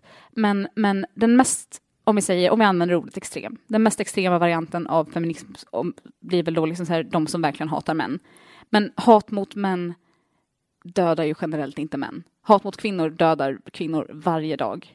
Kvinnor, kvinnornas kroppar används som liksom vapen, alltså vapen för, alltså det är krigsföring, att Mm. våldföra sig på kvinnors kroppar. Och det, vad är det, man brukar säga att, är det, nu kommer inte jag, jag ska inte säga siffror, men det är, det är typ antingen, okej nu säger jag siffror i alla fall, men det är typ antingen var, var 14 eller var 40 sekund som en kvinna våldtas i Sydafrika. Det är så hatet mot kvinnor ser ut. Jag tycker inte att det är så farligt att, att, att eh, för att alltså, så länge inte manshatet börjar döda. Och det gör det inte, det har det historiskt inte gjort. Sen är det klart att kvinnor har liksom skjutit män eh, och, och dödat män, det, det kommer vi inte ifrån, men inte på den strukturella nivån som män utsätter kvinnor för. Och sig själva. Det är ju, män För ju rent, brott mot kvinnor och mot män. för rent, rent teoretiskt så grundar ju sig eh, mycket av eh, eh, extremistiska rörelser som vi Mm. har sett genom tiderna grundar ju sig i en core influencer, Mhm. som till exempel Hitler. Okej, ja. Och Hitler skrev Mein Kampf Mm. och, och det var, den var ganska vägledande till ut, förintelsen, alltså Mm. att utrota ett folkslag. Ehm, och, kommunismen har ju sitt, sin grund i Karl Marx och eh, det kommunistiska manifestet Mhm. och det ledde till eh, folkmord i Sovjet. Mm. Och, och om man ser om man ser det här då, för att alltså, om den ska manifesta, och nu, nu, nu jämför inte jag de här Nej, böckerna. precis. Nej, snälla gör inte Jag det. vill inte att du ska tro det, Nej, men, nej, nej. men om man ser det som avstamp i en, för att någonstans så ballar det ju ur. Jag Ja. har ju läst både Mein Kampf och, kom, och kommunistiska manifestet och i, ingen av dem föreslår ju total jävla mayhem och folkmord och människor ska svälta och alla ska dö och allting Nej. ska bli jävligt och, och det ska bli dystopiskt. Det är svårt, ska, att, svårt att sälja någonting med att allting ska bli jävligt. Exakt. Mm. Men, men på samma sätt så, så om vi tar, säg att, att extremfeminism blir på frammarsch och helt plötsligt tar över, alltså kanske det börjar, förstår du vad jag vart Jag försöker förstår vad du menar, jag tycker bara inte att det är realistiskt. Jag vet inte, alltså, hur, hur, länge, hur länge, alltså så här, när Mein Kampf kom ut och, och uh, påföljden skedde ganska snabbt. Vi, Mm. vi, så här, tredje vågens feminism som sker nu, den har ju ändå, den har pågått ett tag, det var ganska länge sedan skammanifestet kom. Jag tror att skulle vi fått en galen extrem reaktion så skulle den ha skett redan. Men jag menar för alla extrema rörelser eh, börjar ju någonstans. Mm, men, men, men, jag, ja, men du vet att jag tar avstånd från att säga att feminism är en extrem rörelse. Absolut. Och jag tycker inte heller att det är en extrem rörelse. Skönt men att höra. det används ju ofta och det har man också sett nu i den här debatten på i dagarna, Mm. på vad du vill Åland. Extremfeminism. Ja, men det är, det alltså jag tror att det alltså, men det är en missuppfattning. Och då kommer vi tillbaka till, jag tror att folk vill missförstå. Jag tror inte att folk är så intresserade av att lyssna på vad de andra har att säga, för man har, man har bestämt sig. Men du är en sån, du tycker så. För alla former av extremistiska rörelser är ju per definition dåliga. Mm, men, men nu, återigen, feminismen har inte en extrem... Nej, nej, absolut. Nej. Men det, det, jag försöker ta det vidare nu till Mm. vänsterextremism till exempel. Okej. Och högerextremism. Mhm. Och, och de båda är ju mycket, mycket destruktiva företeelser. Mm. Därför att för att kunna driva en, en extrem rörelse så kräver det att man blockerar kunskap. Ja. Alltså från ett håll, man, man liksom, det kräver ju i viss form bokbål och isolering. Mm. Ja, men, det, men du sa, vad var det du sa att du tycker föder extremism? Du sa en, en ledargestalt eller vad var det, hur? Ja, alltså all, all form, det, det, Ett manifest? ja men en influencer. Ja, som, som, ja, exakt. För jag tror att det som föder extremism är frustration, ja, och en stor dos av, av utanförskap. ja, och äh, igno, i, i, att man ignorerar fakta. Mm. Och att man börjar särskilja på människor. Mhm. Att man börjar, det ska alltid krä, man ska alltid blamea någon. Precis. Kommunisterna blamear kapitalet, Hitler och eh, nazisterna blamear judarna och eh, det krävs En ju. annan att- stor grupp just nu blamear muslimer. Vilken grupp då? Tänker du på rasisterna? Jag tänker på rasisterna. Jag Ja. tror det det är inte så många. Det, det har blivit ganska omodernt att hata på judarna, tack. ja, det, nu är det ju främst muslimer som Ja, det är det. Så att, så. att, och folk, folk blir så upprörda när man drar den parallellen, men det är i princip samma retorik. Det är inte långt ifrån. Det var exakt så man pratade om judarna när det begav sig på 30-talet. Ja, så, Ja, ja, om, vi, om vi alltså, tar andra världskriget, det är klart att alltså, För- det funnits hat mot att- judar förutom att tider. judarna var en elitgrupp då. Mm. Eh, invandrare Precis som nu sparkar är- man bara neråt. Ja, alltså invandrare här är ju inte en elitgrupp. Nej. Så att det, det, det är också Så det man, man, liksom, man baserar det här på någon slags konstig, ogrundad rädsla på att de någon gång ska bli en elitgrupp. Mm. Är det, är det det det handlar om? Ja, alltså det föregicks ju av det var ju eh, den vita mannens fel att judarna blev så framgångsrika. Mm. Därför att man gav, dem, man gav dem rättigheten att exkludera sig själva från världens mest lukrativa marknad, det Mm. vill säga banking. Och sen blir man arga för att det går bra när det är Ja. det enda de får jobba med. Det är vi som ska ha monopol på att ta över saker, uhu. Ja, exakt. Ja, nu börjar tiden leda mot sitt slut, men det har varit jättekul. Det var otroligt kul, tack Jannik. Och vi får fortsätta eh, kämpa på Säg vad du vill Åland. Förhoppningsvis på samma sida men också på motsatt sida. Ja, det är kul att vara motsatt. Eh, men eh, som sagt, med respekt. Mm. Och tack till alla er som har lyssnat, eh, speciellt till er som har tagit er genom slutet. Ni, det är ju valfritt att lyssna till slutet och ni som gör det är eh, hjältar som orkar. Och ni vet att ni kan gå in och önska gäster på hemsidan www.samtal.ax. Eh, det finns ett litet formulär och vi släpper ju nya samtal alla onsdagar. Jag heter Jannik Svensson, producent för det här avsnittet var Didrik Svan. Du har lyssnat på podcasten Samtal.